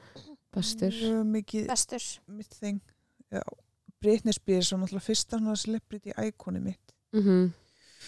Og Ég- hérna, og ég man að þú þurftir að vera tím Britney eða Kristína og ég var allan daginn Britney og bara. Kristína mátti brenna í vítislógum fyrir mér. Já, það var bara svona, það, það var harsh. Já, Það var harð, harður, harður heimur sko Þú þurftir að velja.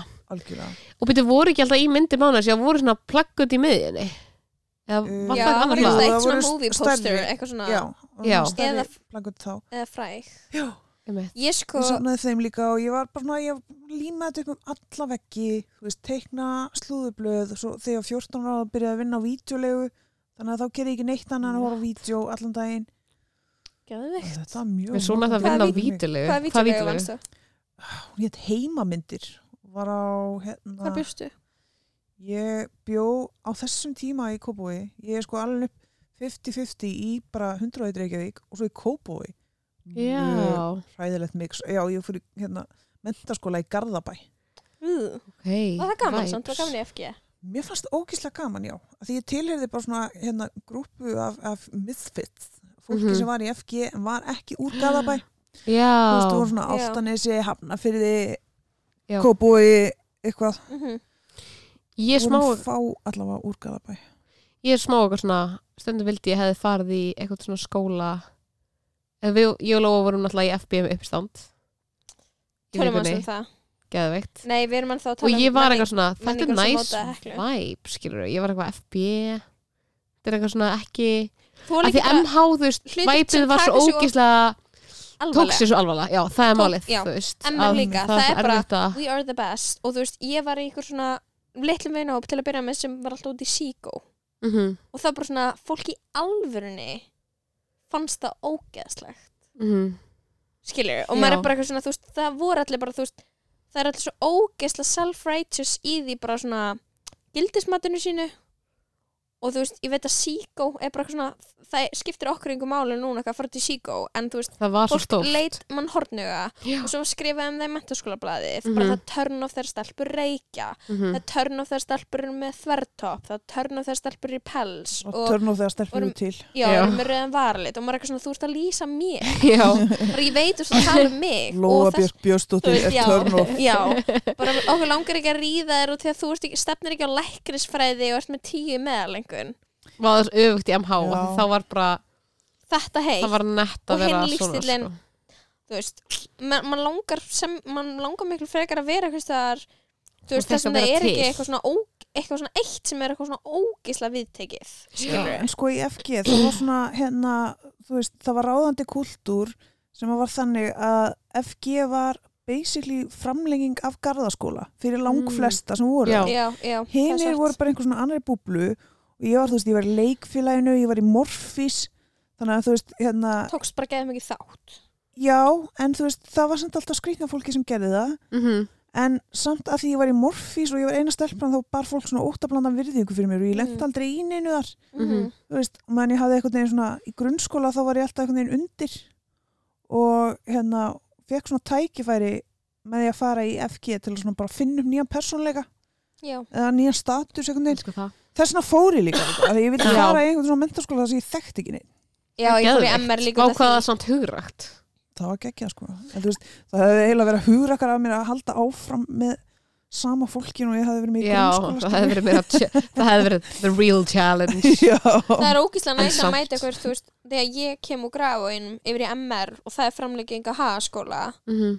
og það eru allir bara, þú veist, það, þú veist, þú varst, þú varst illa séður í hagaskóla þá gastu ekki Getur ekki dýma þig Nei, þú getur ekki redeema þig í Mhm. MR, skilur Það er alltaf bara eitthvað ekki chilla með þessum hann frík í sjöndabæk það var Og sko það- ein stelpa Ugh. sem hefði verið með mér í grunnskóla og hún reyndi að segja við stelpur sem síðar urðið vinkonum mín og hún sagði, ég myndi ekki hanga með henni, hún er frík Hún er fríka Hún er frík Já, ekki á einhvern svona sexy hátt eins og orðið merkir er það, þetta er bara svona, hún er, hún er viðrinni hún, hérna, þú veist, það er ekki svona eitthvað svona kynlífsviðrinni Hún er frík í rúminni Nei, hún er bara frík í hausnum og það er eitthvað að henni. En þetta var samt þetta klálega þú veist Já, ég var í hagaskóla og þú veist, ég var að flýja það, skilur með því að fara í MH Ég til dæmis skatt eins og í MR hafiði popkultúr þekking mín, bara svona hvað ég horfði á alla þætti, Mhm. vissi allt um allt. Það er bara svona sá eitthvað svona, sú þekking var bara svo ó, bara svona hafði ekkert vægi í Mhm. MR, skilur og þar var bara svona skipti bara, einu sem skipti máli var bara að fá gekk og einhvern, það er svo súrt að segja þetta því að þú veist, þú heldur í alveg að mentaskóla nefnir sé ekki eitthvað obsessed á einhvernum. En þeir eru það. Þeir eru það og það MR. er ókslega Mhm. fáránlegt Já, Ég var það Mhm. ekki. Það var svo geggja við að vera í FG. Það Það- var engin svona pressa á því að einn væri góð námsmaður. Bara engin. Þú veist, ég nei. fekk eitthvað tíma 6,5 í þýsku. Og ég var alveg geðið með mína þegar þú veist, ég hafði verið að bonda svo vel í þýsku kennaran og hann var svo ánægð með hvað ég svona, þú veist, var duðlega að hlusta í tímum og eitthvað. Svo var ég bara ekki duðlega að læra. Þýska líka skýtlétt at the time. Fekk 6,5 og ég hitt hann í smáralind svona um júlun og ég var bara, hefur fyrirgefið að ég hérna brostir basically. Oh og hann eitthvað, herla mín, þú varst hæst í bekknum. Oh my god. Og ég alveg, shit, fólki að það er umverulega drullu sama. Já, það er líka svona, þú veist, að, þeir, að þeir að voru svona í uh, Garðabæin sem að stemdu einhvern frama í einhverju, þau fóru í Vestló. Já, já, já. Hinni voru bara eitthvað, ég ætla að klára mentaskóla því að mamma og pappi sögðu, ég ætla ætla að gera það. Já. og hérna, en framtíð mínu tryggð. Já, já, já. Þannig að ég þarf ekkert eitthvað veist, En finn þarf ekkert að strýta hér. Og hafa gaman og vera í íþróttanemdina eða eitthvað svona. Já, og það sem að var eitthvað svona cool uh, í, þú veist, ég náttúrulega satt á stóniraborðinu sem var bara að kalla stóniraborðið af um, einhverju svona cool fólki sem er einhver útastöðar í dag. En að uh, og það sem var ógíslega leim sem var gett cool í þessum hópið þetta er allt svona gett klári krakkar sem voru svona ah, ég rétt náði eitthvað svona fóru í prófin og slefiðu upp í að ná þeim Mhm. en voru allt gett klári krakkar. Af því þú, þú veist þú þurftir að vera með mjög góðar einhverjir Mhm. til þess að komast inn í MH en það var svona ógíslega leið menning svona ekki cool að reyna en þú ætlar að svona rétt ná. Svona sem, það, það var vera MR menningin slöggsa næstu í meira hólsam sko. Já, Eða það er innlegar að vera bara Það eitthvað, ég verð að fá tíu og svo bara hans Ég ég fór einu svona í fransku próf og skrifa alltaf spænsku bara þegar mér varst eitthvað gett fyndið. Og þú veist, var sendið námsrækjafa og hún var bara að spyrja mig hvort ég var eitthvað geðvi eða þú veist, hún var raunverulega að spyrja um spurningar sem voru bara líðið er bara mjög illa, skilur Já. bara eitthvað svona, Já, ég það það tók bara einu sinni- psycho vibes. tók einu sem prófi í efnafræði í hérna já það var í FG held ég. Og ég fekk 0,5 og undir einhvern þá skrifaði kennarinn erstu að gera gísað mér sem ég var ekki að gera sko. Úff. Latínukennarinn minn var með stimpil bara svona stimpil bara dífibleg, setja á blað orðin sundurlaus hróði þegar þú gerir lélegan latneskan stíl þá bara dudun, sundurlaus hróði ok, Vá. Það latnesku er- stíl er að fá íslenskan texta og þýða yfir á latínu. Og það er fucking erfitt. Mhm. Út af því Heldur að það samt er svo að hún hefur bara þurft að fara í einhvern svona Nei, stimpla hún- búð og vera bara eitthvað hún fekk þetta ekki gjöf frá útskristanemum það er og hún notaði þetta einu svona á okkur. Þú veist, ég var repeatedly að fá 0,5 í tímum í latínu. Og eina intimate momentið sem ég átti með þessum kennara þessum latínu kennara var þegar ég var grátandi. Hún gæti ekki hugga mig by the way. Það þurfti annar kennar að koma að hugga mig. Ég var grátandi því að ég var í fallhætti í latínu. Hún kemur bara til mín snertir öxlin á mér í svona 0,1 sekundi og er bara það þurfi ekki allir að vera góðir í latínu. Og þetta var bara mesta release sem þessi manneska gætt gefið mér. Hún í Vá. þrjú ár. Hún var umsjónakennara minn. Ég fóð með henni til Rómar fórum á Fórum Romanum. Fórum í katakombunar þú veist, allir að drekka rauðvín og eitthvað. Og, og, þú veist, hún var svo close með okkur. Og hún að segja við mig þú þarfst ekki að vera góð í latínu. Var bara hún að veita mér eins bara allt sem hún Af- gatt Það var svona, afláts ég slepp aflátsbréf. Þér hún bara Aflátsbréf. release, bara þú þarfst ekki að vera góð í þessu þú mátt gefast upp og bara þú veist, hún segði bara, þú veist með góðar einhvernir í öllu öðru, þú munt geta útskrifast þú þarfst ekki að vera góð í þessu fæi. Shit, það var hellað, en fallegt. Mjög fallegt. Beautiful. En eitt sem að uh, ég er búin að vera að hugsa um síðan við vorum að tala um það sem menninguna sem að mótaði hekli mm já, sem er augljóslega, hoppum aftur í það. Ok, en ég var að hugsa það er ennþá verið að gefa út myndi mánaðarins. Myndbönd mánarins eða Já. myndi mánarins, hvort heitir það? þetta hérna, Myndir maður. sikur megin það er hérna myndir og myndbönd. Já. Og hérna, þú veist, og ég var bara eitthvað að pæla í hvað er mikið af mánaðablöðum eða einhverjum blöðum sem hafa farið á hausinn, skilur hvernig eru þau ennþá hvernig er hvernig er ennþá verið að gefa þetta út? Og hver er að skoða þetta allt. ókeipis what? mm það hlýtur að vera eitthvað svona þetta er samt, þú veist, það er til einhverju tölur um að þetta sé mest lesna tímarit á Íslandi held ég.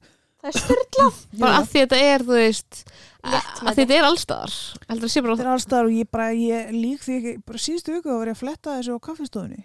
Þú veist bara að tjekka bara hvaða myndir kom út í Já, bara svona celebrity Það er- quotes. Ég Bara, elska Já. gullkornin, ég var að fara að segja feitt gullkornin. sjátt á gullkornin Ég er ándur svo spá ég bara í næstu viku þá ætlum ég bara að lesa gullkorni í, í tala saman ég Mhm. elska líka því þú veist, í dag þá er ég gáðan en þegar ég byrjaði að lesa þau og ég, svona, ég, ég sé þau eru illa þýtt og það er uppáldið mitt. Mm, Já. einhver að henda einhverja góða þýðingu og eitthvað gullkorni eftir eitthvað Sean Connery Já, bara svona algjörlega fullkomlega með ískilja punktin mm Já. og það er frábært. Vá, en myndir mánaðar sjálfinni bara eitthvað rítstjóri myndir mánaðar ætti að vera að fá bara eitthvað vellaun skilur Já. bara fyrir að hafa haldið þú veist, ég er bara mjög mikið áhugaði að vita hver það er núna skilur bara hver, Hver er búinn að halda þessu á floti?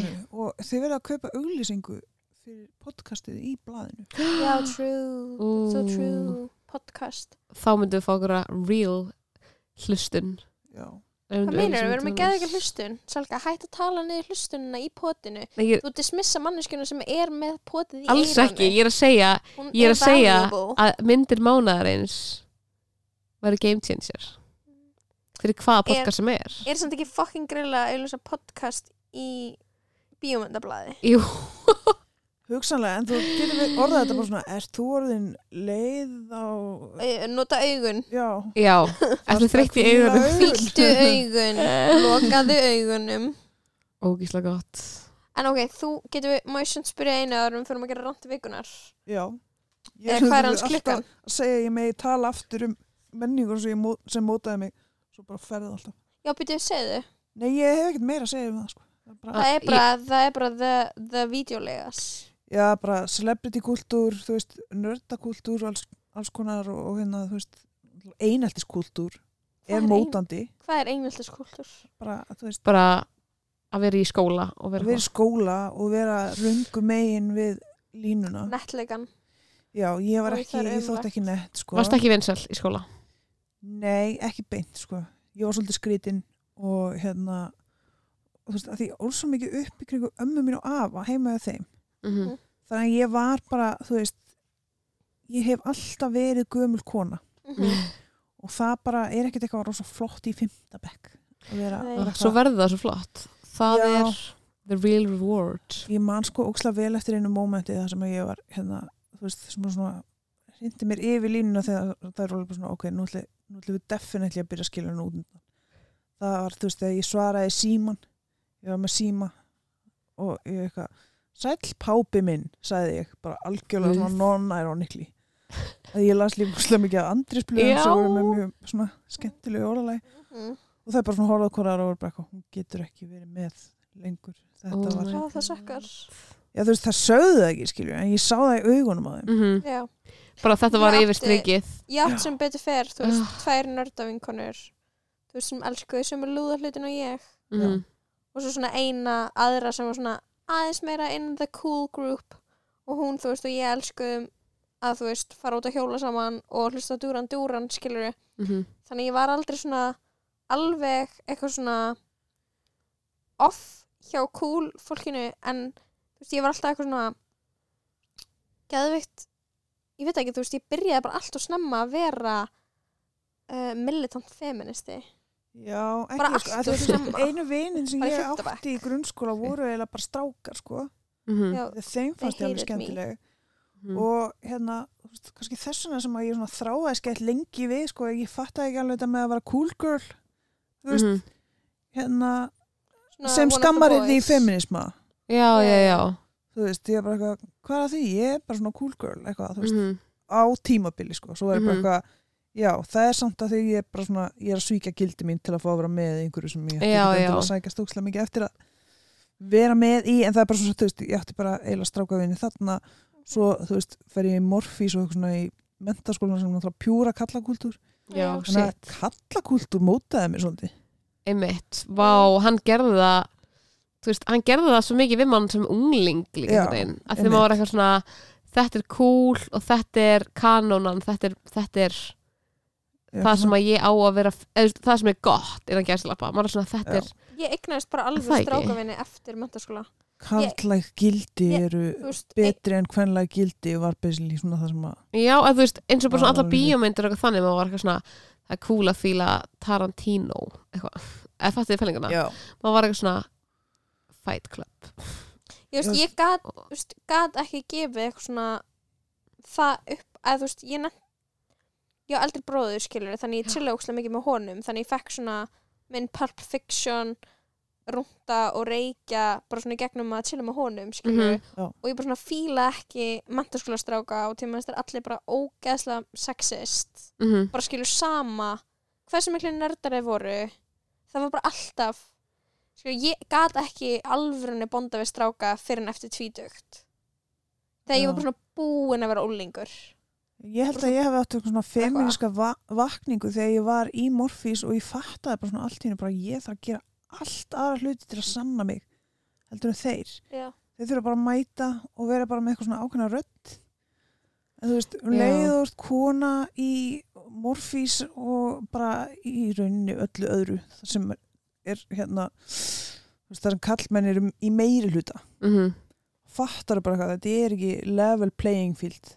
Nei, nope og þú veist, meira þess að strákarnir sem voru með mér í liðin sem ég held að held ókslega mikið með mér og þú veist, gerði það alveg að vissu leiti þeir hérna, þú veist kom alltaf einhvern veginn upp á daginn að þeir voru að hyggla okkur um öðrum fram með mig Þú Já, veist, ég já. var ekki Já. ein af þeim at the end of Í the day nei, nei, Mhm. nokkulega oh my god, eins og þú veist, vinir þú veist, eins og ég veit að þú veist, af einhverjum vinkonum minn sem voru í strákavinhópum í mentaskóla voru alltaf, þú veist, kannski geðveitt margir strákar og svo nokkra stelpur og voru Mhm. sem alltaf að halda einhver önnur chill það sem voru bara strákar. Já. og það var eitthvað, þú veist, á þessum tíma þá man ég að maður var eitthvað svona frétt af þess að maður eitthvað býti wow ok, en þú veist, er samt ekki alltaf lægi að stráka sér bara stundum með strákunum? En þá, maður, þú veist, það sem ég er að realize núna, miklu setna, er bara eitthvað þú veist, það finnst öllum að þeir vera jafn góði vinir. Mhm, þú veist, það held allir bara, voru ekki eftir góðri trú bara, við erum öll ekki. En það er ekki þannig. Wow. sem er sad. Já. Ok. er komið rátt í vikunar það komið alltaf Salka? vikunar ég er að, Ert þú með þitt rátt eða? nei, það var einhver annar að byrja þess að tók ég upp, það, ég er Ég fela, ég er að feila mig á baku tæmurinn sko, ég skal byrja. Til þess að vona að koma eitthvað til mín sko, Ok. Ég, ég skal byrja. Nei, ok, byrju. Já, ég ætla að byrja Ok, ég, ég er ready Ég meina. Ok, einn, tveir og byrja. Oh my god Gaur sem var á Mandi í gær. Ok, ég var á Mandi, ég satt með vinkunum minni Við vorum bara að tala saman í tvo klukkutíma Við sátum, vorum skrálega gegn Twitter Vorum að lesa tweet. Allir aðrir á Mandi Klukkan var bæði við að vera hálf tólf Voru bara í sama geimi Og þessu gaur snýr sér við Talar ensku Segir bara Á hverju er þið ekki að tala saman? Af hverju, af er þið ekki að, veist, þið eru út að borða, þið eru að eru að 30 vera sekúndur. saman og, ó, þú veist, þannig er jólasveitnin, sest í fangi á honum, sem er svona ógeðslega mikið svona sest í fangi á er svona, þú veist, það er svona feitt sexual connotation í því, Mhm. því að maður er svona jólasveina skegg og enginn hann sagði neitt og ég er bara eitthvað, ef þú, þú veist, og þetta er málið með fucking svona gaura sem ætlar hann að fucking Tíu stjórna sekúndur. stemmingunni er bara eitthvað, það er ekki að svara um því að þá verða þið verri. Og það er þú veist, þar er kúunin, skilur Mhm. þú bara getur ekki svara fyrir þig. Já. ein mínda komið mín það, ok. Það kom mínda, vá. Ég var hennar mann. Og ég hata allt sem hann stendur fyrir. Ég líka. bara Új, hvað ég kúa hata eitthvað það, bara- bara vera eitthvað svona að koma og finnast þú eitthvað eiga eitthvað erindi að vera eitthvað að segja kommenta á hvað einhver aðrir er að gera. Það er bara bara á um lífið. þú ert á mandi, þú ert ekki veist að tala saman bara, ég er búin að, að lappa með Sollu og tala við hana í þú veist tvo klukkutíma og við tókum okkur mínúti pásu frá því Mhm. og bara eitthvað svona, en mér langar að segja við hann bara eitthvað, haldi kæftu, ekki reyna að stjórna stemmingunni þarna nei, új ég hata þegar fólk svo að stjórna stemmingu típa þetta er ótrúlega Já. spes típa sko ég þól ekki, það er að drepast úr talið stjórnsemi saman maður heldur um að langa að tala við þig og þú veist ekki að svo- tala þau Þessi típa er svo upplýst, sko. Mhm. Það er hennar helsta allt um, vandamál. hún veit allt um alla í kringum sig líka Hún veit eitthvað- einhvern veginn samkend Ég er búin að lesa grein um það hvað er eitthvað sad að við séum sem samfélag eitthvað að hafa alltaf að horfa á síman og þú er bara svona að skoða eitthvað svona, já, eitthvað svona myndaalbúm með svona Já. dystopískum uh, hérna, tólkunum á þessum samskipta vanda sem við eigum í eftir að snjall síminn kom og hún er bara postin á Facebook og segja bara sláandi eða eitthvað líka og svona lappar um og ber út bóðskap já og þetta er toxic. Einhver svona myndaserja búin til að myndaseríin eitthvað photoshop, einhver photoshopaði út símana. Já. til að sína okkur hvað við erum einmanna ég bara, hvað meinaru svo þessi póstar um mesti viðbjöður sem bara er í búði ok, Já. crazy uh, hérna Ástismarja vinkonum mín og fyrir um gestur sendi eitthvað mím á hann á mig sem ég var eitthvað, wow, hún var eitthvað svona eye-opening að fatta og mými var bara eitthvað svona þetta var bara eitthvað texti eða eitthvað sem var eitthvað svona þegar maður fattar að maður sér aldrei snjallsímana sína í draumunum sínum. Jú, ég gera aldrei. Mér hefur dreymt Instagram. Ok, Ég- það nei, er Nei, mér hefur dreymt að eitthvað sem ég sá á Instagram er bara partur af draumni mínum. Já, já, já, það, sér það ekki gerist. Þú getur líka ekki lesið neitt. í Þú- draumuninu þú ert aldrei í símanum Nei. í er þú ert hella. aldrei eitthvað herðu, hérna, ég er að skrolla hérna Twitter feedið það er ógst að skrítið, með við hvað maður er mikið, skilur við, Mhm. Já. í þessu Þú veist, þú, þið dreymir kannski alveg að einhver hafi heittvíta þig en þú ert aldrei Einmitt. eitthvað að skoða það í símanum í drömnum það dreymir ykkur afleðingar af einhverju sem gerðist kannski, en Já. þið, einmitt, nákvæmlega ég er bara svona alltaf að sprengja heimsmynd Heila Hlustenda. sprengjandi Þín er hrunin gjörsamlega. See these 10 pictures of our lonely worlds with phones. Var ég of reyði í þessu randi? Nei, what? þetta þú bara veist, ég bara að hugsa eitthvað svona að er þetta óþægilegt að hugsa Lóa, og ég konu trú ekki á sig að hugsa um þetta og hugsa, "Ah, er þetta problematik af öllu sem þú hefur sagt hérna í þessum podcasti, þú er búin að særa bliðuna kent mína margóft á svo stórkostlegan hátt En að ég er bara veist- ekki að ég er að fara heim og ég er bara að fara að rugga mig fram og tilbaka það kunna sé há að eating ass. Ég- af, hverju og þurftur að þurftir að gera þetta og það er ógislega fyndið þangað? það er fá- fyndnara heldur en Gunn TH eating ass. Ég vil Það er líka alveg viðbröðu þessu sem eru bara eitthvað svona Vá, komið líður óþægilega hann er he að for ég she. sé aðstæðan þar sem er að tala um þetta. Gunni TH er he for she það er svona eater an ass. Ok, þannig að hvor ekkar er næst? Með randvíkana ég vil Viltu oh vera my næst? Sko, ok, það er eitt, þú mátt nota ég get ekki randað þú mátt alveg segja það bara ég get ekki randað ég get alveg alltaf randað sko. Ma, ma, ég held að maður get ekki ég held að maður get ekki verið með spjaldi ég get ekki randað mér finnst það vera ég hef samt reynd að taka rand þegar mér langaði ekki að randa og það er bara umulegt Ég er ekki bara- einhvern veginn. ha, Ég er ekki með neitt. Erst þú ekki með neitt?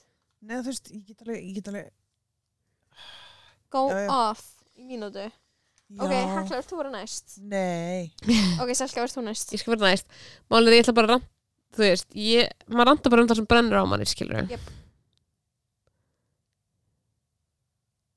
Ertu að taka tíma? já, Settu tíman í gang, þú er sett fyrir að byrja ok Ert þú sérst reddi? Ég held Já. ég var að býja eftir að þú verður reddi Ok, Ó, einn, sorry. tveir og byrja Oh my god, ég er svo ringlið og ég þarf að fá svör þegar kemur þessari Steinda Junior hryllingsmynd sem er verið að búa til að því ég skil ekki neitt Af hverju er verið að auglýsa núna eftir einhverjum fyrsta lagi er verið að Karlan föndur þessa mynd í öðru lagi þá er leikópin X að leika í þessari mynd sem er annarkort snild eða hræðilegt. Í þriða lagi þá er búið tilkynna að herra hnetusmjör leika augalhutverk í þessari hryllingsmynd. Ég er bara eitthvað, hvað er að gerast í listrætni vinnu sem að kemur þú veist, þetta er annarkvort að fara að enda eins og bara eitthvað svona The Room og vera geðveikt skilur eða þetta bara fyrir að vera hræðilegt? Og ég er svo mikið að vona að þetta sé að vera snilt að ég veit ekki eins og hvort sé að randa því sé reyða eða því ég er ógæslega spennt og ég vil ógæslega mikið fá að vera með skilur að ég er að gleðir randa, ég er bara eitthvað svona ok, Steindi Junior er að leika einhver slassir bíómynd einhver íslenski slassir bíómynd og leikópin X er alltaf að leika í henni og þau eru núna að leita að nýjum handritshöfundum fyrir hana. Uh, vil vera þessi handritshöfundur vil að allir sem eru bara að replæja á Twitter á einhver Twitter þráða sem eru handritshöfundum sekundur verða það líka. What's gonna happen, ég er spennt Ok, ég get svona alveg svara sumu þarna. Ok, bransin Sko í svo eh, ringlið Hérna, ég fór sérst á fórsýningu á uh, þáttunum sem þetta góði landsmenn. Já, sem að Steindi er í. Já. Og þetta er í rauninni svona, þú veist, þetta er gjörningur á mörgum miðlum. Um, hérna, þættinir sérst fjalla um uh, sérst það er mjög verið útskýrið þetta Steindi er búin að lofa leikofnum X að gera með en bíómynd. Já, þannig að þú veist, og þú veist aldrei einhvern veginn hvað mörkin liggja, þú veist, eru þau einhvern veginn inn og nitt, eru þau ekki eru Já. þau semi og hérna, þú veist og það er hérna þessi mynd er örgulega að fara að gerast, sko. Er þetta multiplattform gjörningur og Já, Svona og ég fíla, ég fíla þessi loksins verið að sprengja skalan í íslenskri þáttagerð og hérna ég vil fá já, sorry. Ég vil fá proper ég vil proper skrýtna íslenska bíómynd. Já, og þetta Það hafa svona gerðar allur að því áður. Ég segi já, það. já, já, en þetta verður vafalust skrítin íslensk bíómynd og einhver svona myndin sem við eigum öll skilið og á Mhm. sama tíma ekkert okkur á skilið að þurfa að horfa á. Ég segi það sko, ég var að hugsa eitthvað svona þú veist, ég vil að fleiri sé að búið til bíómyndir eins og blossa, skilur við já, veist, Mér vantar ráðrúm í íslenska kvikmyndagerð til að vera bara Mhm. einhver sem er bara Þú veist, Mér að langar fara að gera eitthvað steikt Mér langar að gera bíómynd Mhm. og þú veist, ég er ekki að fá neitt representation í íslenski kvikmyndagerð sem er eitthvað svona að ég eigi erindi inn í hennan fokkin heim út af því að eina sem ég sé er bara hvít nei, sorry, er bara gamall maður út í sveit og Mhm. ég er bara eitthvað, I get it Eða fólk að nýjasta dópa útspilið er sko hérna miðaldra kona út í sveit og það er mm crazy hérna breyting. tilhörnast það sem ég mér, langar bara að gera þú veist, mér langar bara að gera mynd þar sem eitthvað steikt gerist.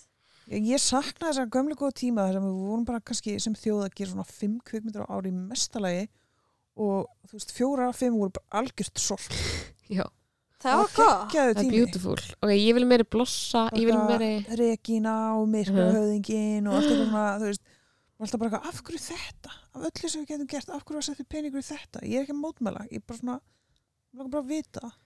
Þú veist, ég vil búa til bíómyndir íslenska drauminn sem er bara Það er eða bara ekki neitt. En, veist, það er en, veist, ég er að meina á íslensku bíómyndaskala. Emmi það er ekki eitthvað svona er að, þessi, hér er þessi kona kallmaður sem tekst á við stærsta tráma lífs, bara eitthvað, það er ekki Já, það. Það nei. er bara, þetta er helgapabbi Já. hann heitir Tóti eins og minn helgapabbi Já, og hann er gett sorry hann er gett, þú veist, bara gett íslenskur lúser og hann elskar fótbolta þetta er bara ókslega fyndið.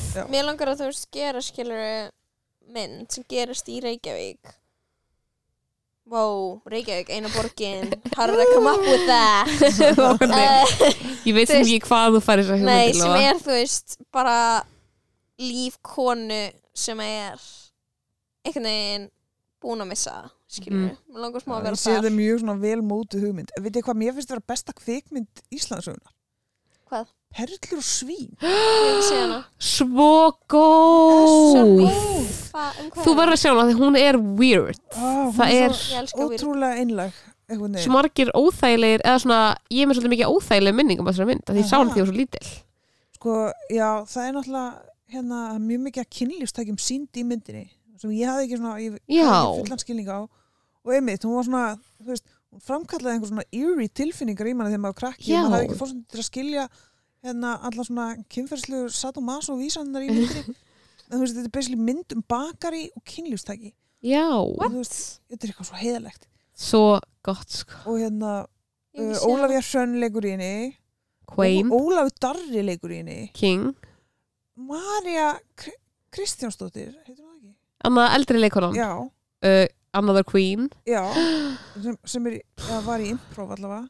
Það er Og hefða, ertu með Steinda? hefðarleg mynd sko. Steinu Nólina Steinunólina. Þorstur Leo. Queen, stjúpa. Þetta er bara svo ótrúlega gott kast, góð hugmynd og geðslega fyndi uppáhalds líka línan mín. Ég er alltaf að nota þessa línu í daglegu lífi. Kom úr þessari mynd. Og það er þegar þrösturlega og horfður og ég man ekki hvað og segir vitaskuld var ég að djóka? Það bara svo góð lína. Vitaskuld var ég að djóka. vitaskuld var ég að djóka. Oh my god. Ég var á flosspakki litlu heklu og segja sæll pápi. Já, sæll pápi minn, Vitaskuld vitaskuld var var ég að djóka. Nei, þú ert litla aglaði satt gantast. Já, oh, love. Vitaskuld var ég að gandast Það var bara, ok, Í staðan fyrir að segja bara nei, djók. Þá segir maður, vitaskuld var ég að djóka. Hvernig getum við þýtt daddy issues nema pápi í stæðan fyrir daddy? Já pápavandi Pápa fann Ég er með eilitinn pápavanda þegar það kemur að sambandi mínu með karlmenn. Uff uh, Pápi. Ah. Maður Þurftir er að fara ma- Maður er bara kallaði mig páp já. Já. Það er alveg þýðing sem hefur bóttið komið fram í einhverju rúfmynd eitthvað, kallaði mig pápa. Hérna. En perlur fyrir sín er bara perlur og svín. Stóri pápi. Og er Torini moment- syngur þýmlægið Það er bara oh ekkert sem er aðeins að mynd. Bara er Það er Emilina. Torini búin að vera tónlist í mörg ár síðan 1940 þú veist, bara eitthvað 95 Nei, bara djóklaust 95 Emilina Torini er með Benjamin Botton heilkenni. Já, Getur Botton Anna, ok, ertu með þitt rand eða? ok Það en, kom með þér, Hekla.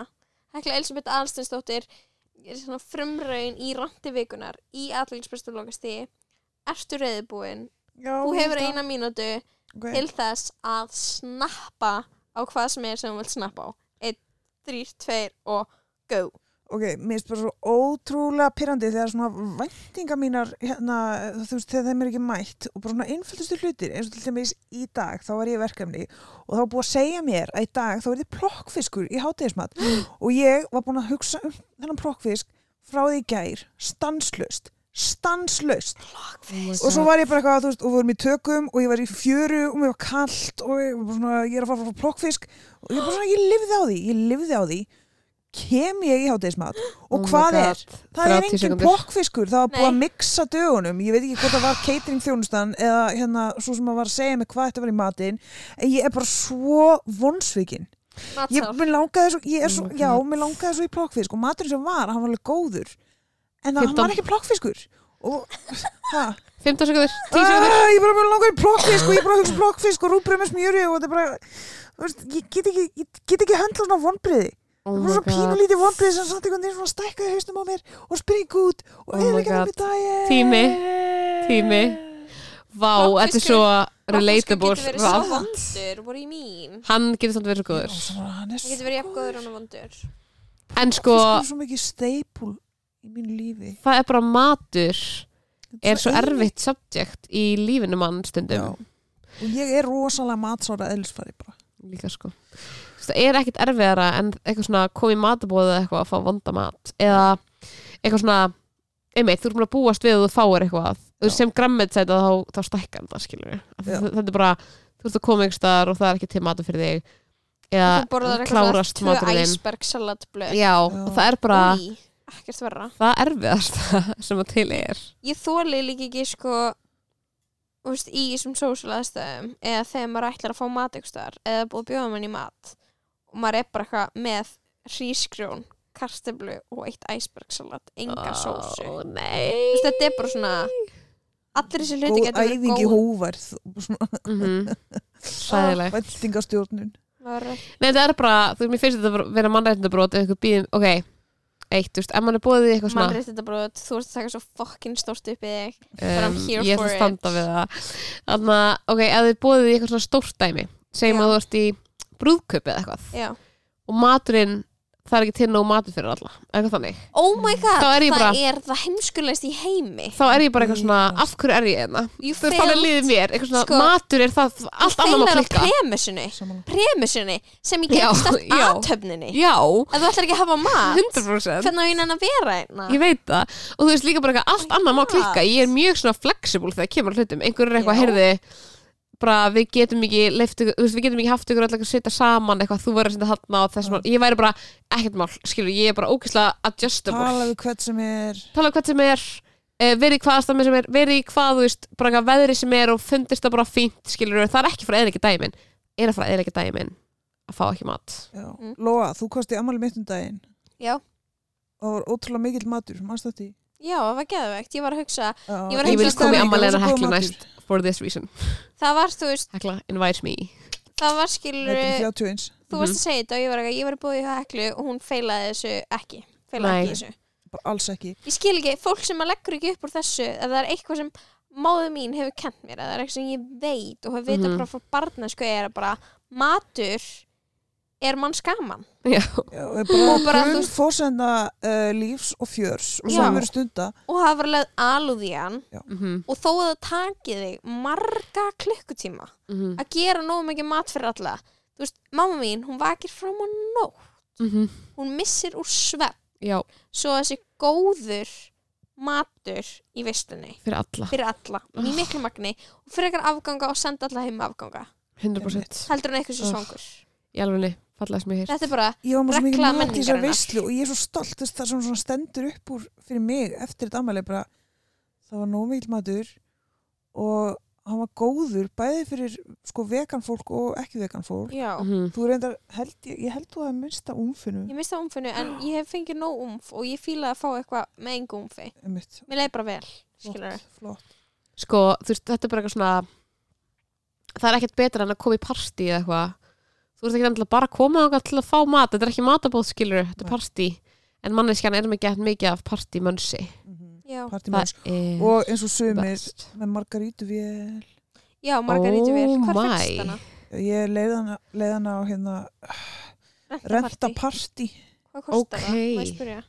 Ég held að það kosta 12 og 9 oh my god, Hekla, er þú svona hostess with Moses? já ég er það sko, ég er ekki að fara að bjóða ykkur heim nema að það sé eitthvað bara svona geggjað incentive fyrir ykkur Mhm. til að þykja bóðið og vera þar lengi og bara helst ekki vilja fara heim Það er beautiful ég elska sko, ég hústa ekki oft sko, að því ég er með fullkomna ortu það kemur að hústing Já, Já, það þarf að vera já. það bara gott tilefni og þú ert að fara að leggja vinn í það og það er að fara að vera geðvegt Já. og ég, og ég er búin að gera Pinterest bórt og ég er búin að föndra skraut Wow. og þú veist, bara fyrir ammæli mitt þá kefti ég þrjá kaktusa Oh my god Vá, ég vil koma í partí til eða time for me til þess að rækta samband okkar heklu. Eh, 100% um, og verðskulda búið í næsta hóstessbúð sko. bara algjörlega, algjörlega. I love. Ok, geðveikt, heyrðu. Þið megin líka vera með í bachelorklubnum mínum eða þið viljið.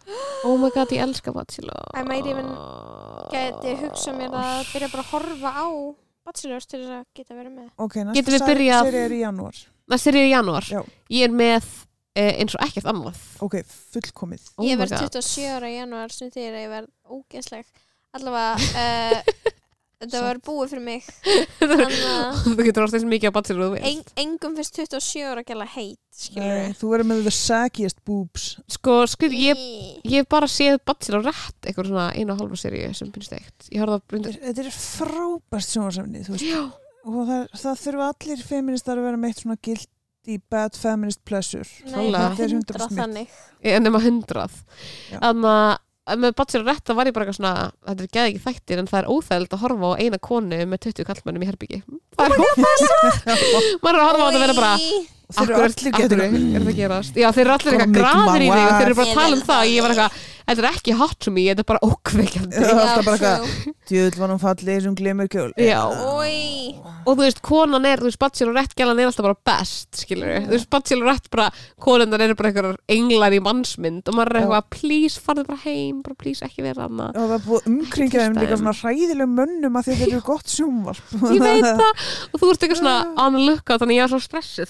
on the lookout, þannig ég var svo stressuð þannig ég held ég þurfa að vera bachelor og ég muni vera aðeins minna stressuð fyrir Piparsons hönd, Já, skilur við nokkulega Já, hana, það er samt, þú veist, það er ekkert þægilega beint eða þú veist, það var eitt svona, að því þeir eru svo mikil valdastuð já, og það þær eru eitthvað. Þeir eru svona Já, og Já, þeir eru bara eitthvað, þeir ákveða bara ég ætla að fyrir sleik við þig núna og ef þú segir nei þá er það greinilega bara ekki in the cards for us. Oh Þú my veist, god. þeir segja Já. það ekki upp Já, já, það er basically premisið, þú veist. þú mátt ekki eitthvað mátt ekki segja nei við intimacy ef þú ætlar að ná eitthvað í þessu dæmi, sko. Nákvæmlega, þetta er psychotic world. Já. Dýrka. Þetta er það, ég er að follow allt þetta fólk á Instagram og svona, ég er svona mjög ég er komin rólega djúft í hennan bachelor heim. Mhm. það er brenglun. Ég veit það, ég veit það. En í dýrka. Ah. oh my god. Ok, geðveikt, heyrðu. Það var geðveikt að fá því í loka þáttinn af fyrstu serju mm -hmm. af aðteglispresta lokastíði Ég held ég ætlaði ekki að bjóða mér og ég var svo sár og svo sagði hverju ég ætlaði ekki það? að koma og ég á bara oh my god, ef fleiri vinnur okkur sárir að vera ekki bóðið þá Það viljum við bjóða öllum. nei, jú það, já, jú það það er greinilegt hver er meira toxic en þeini já, ég er að- svo góð banneskja um, Erstu með me meira aðteglisprest eftir að hingað? Hér, já, Já.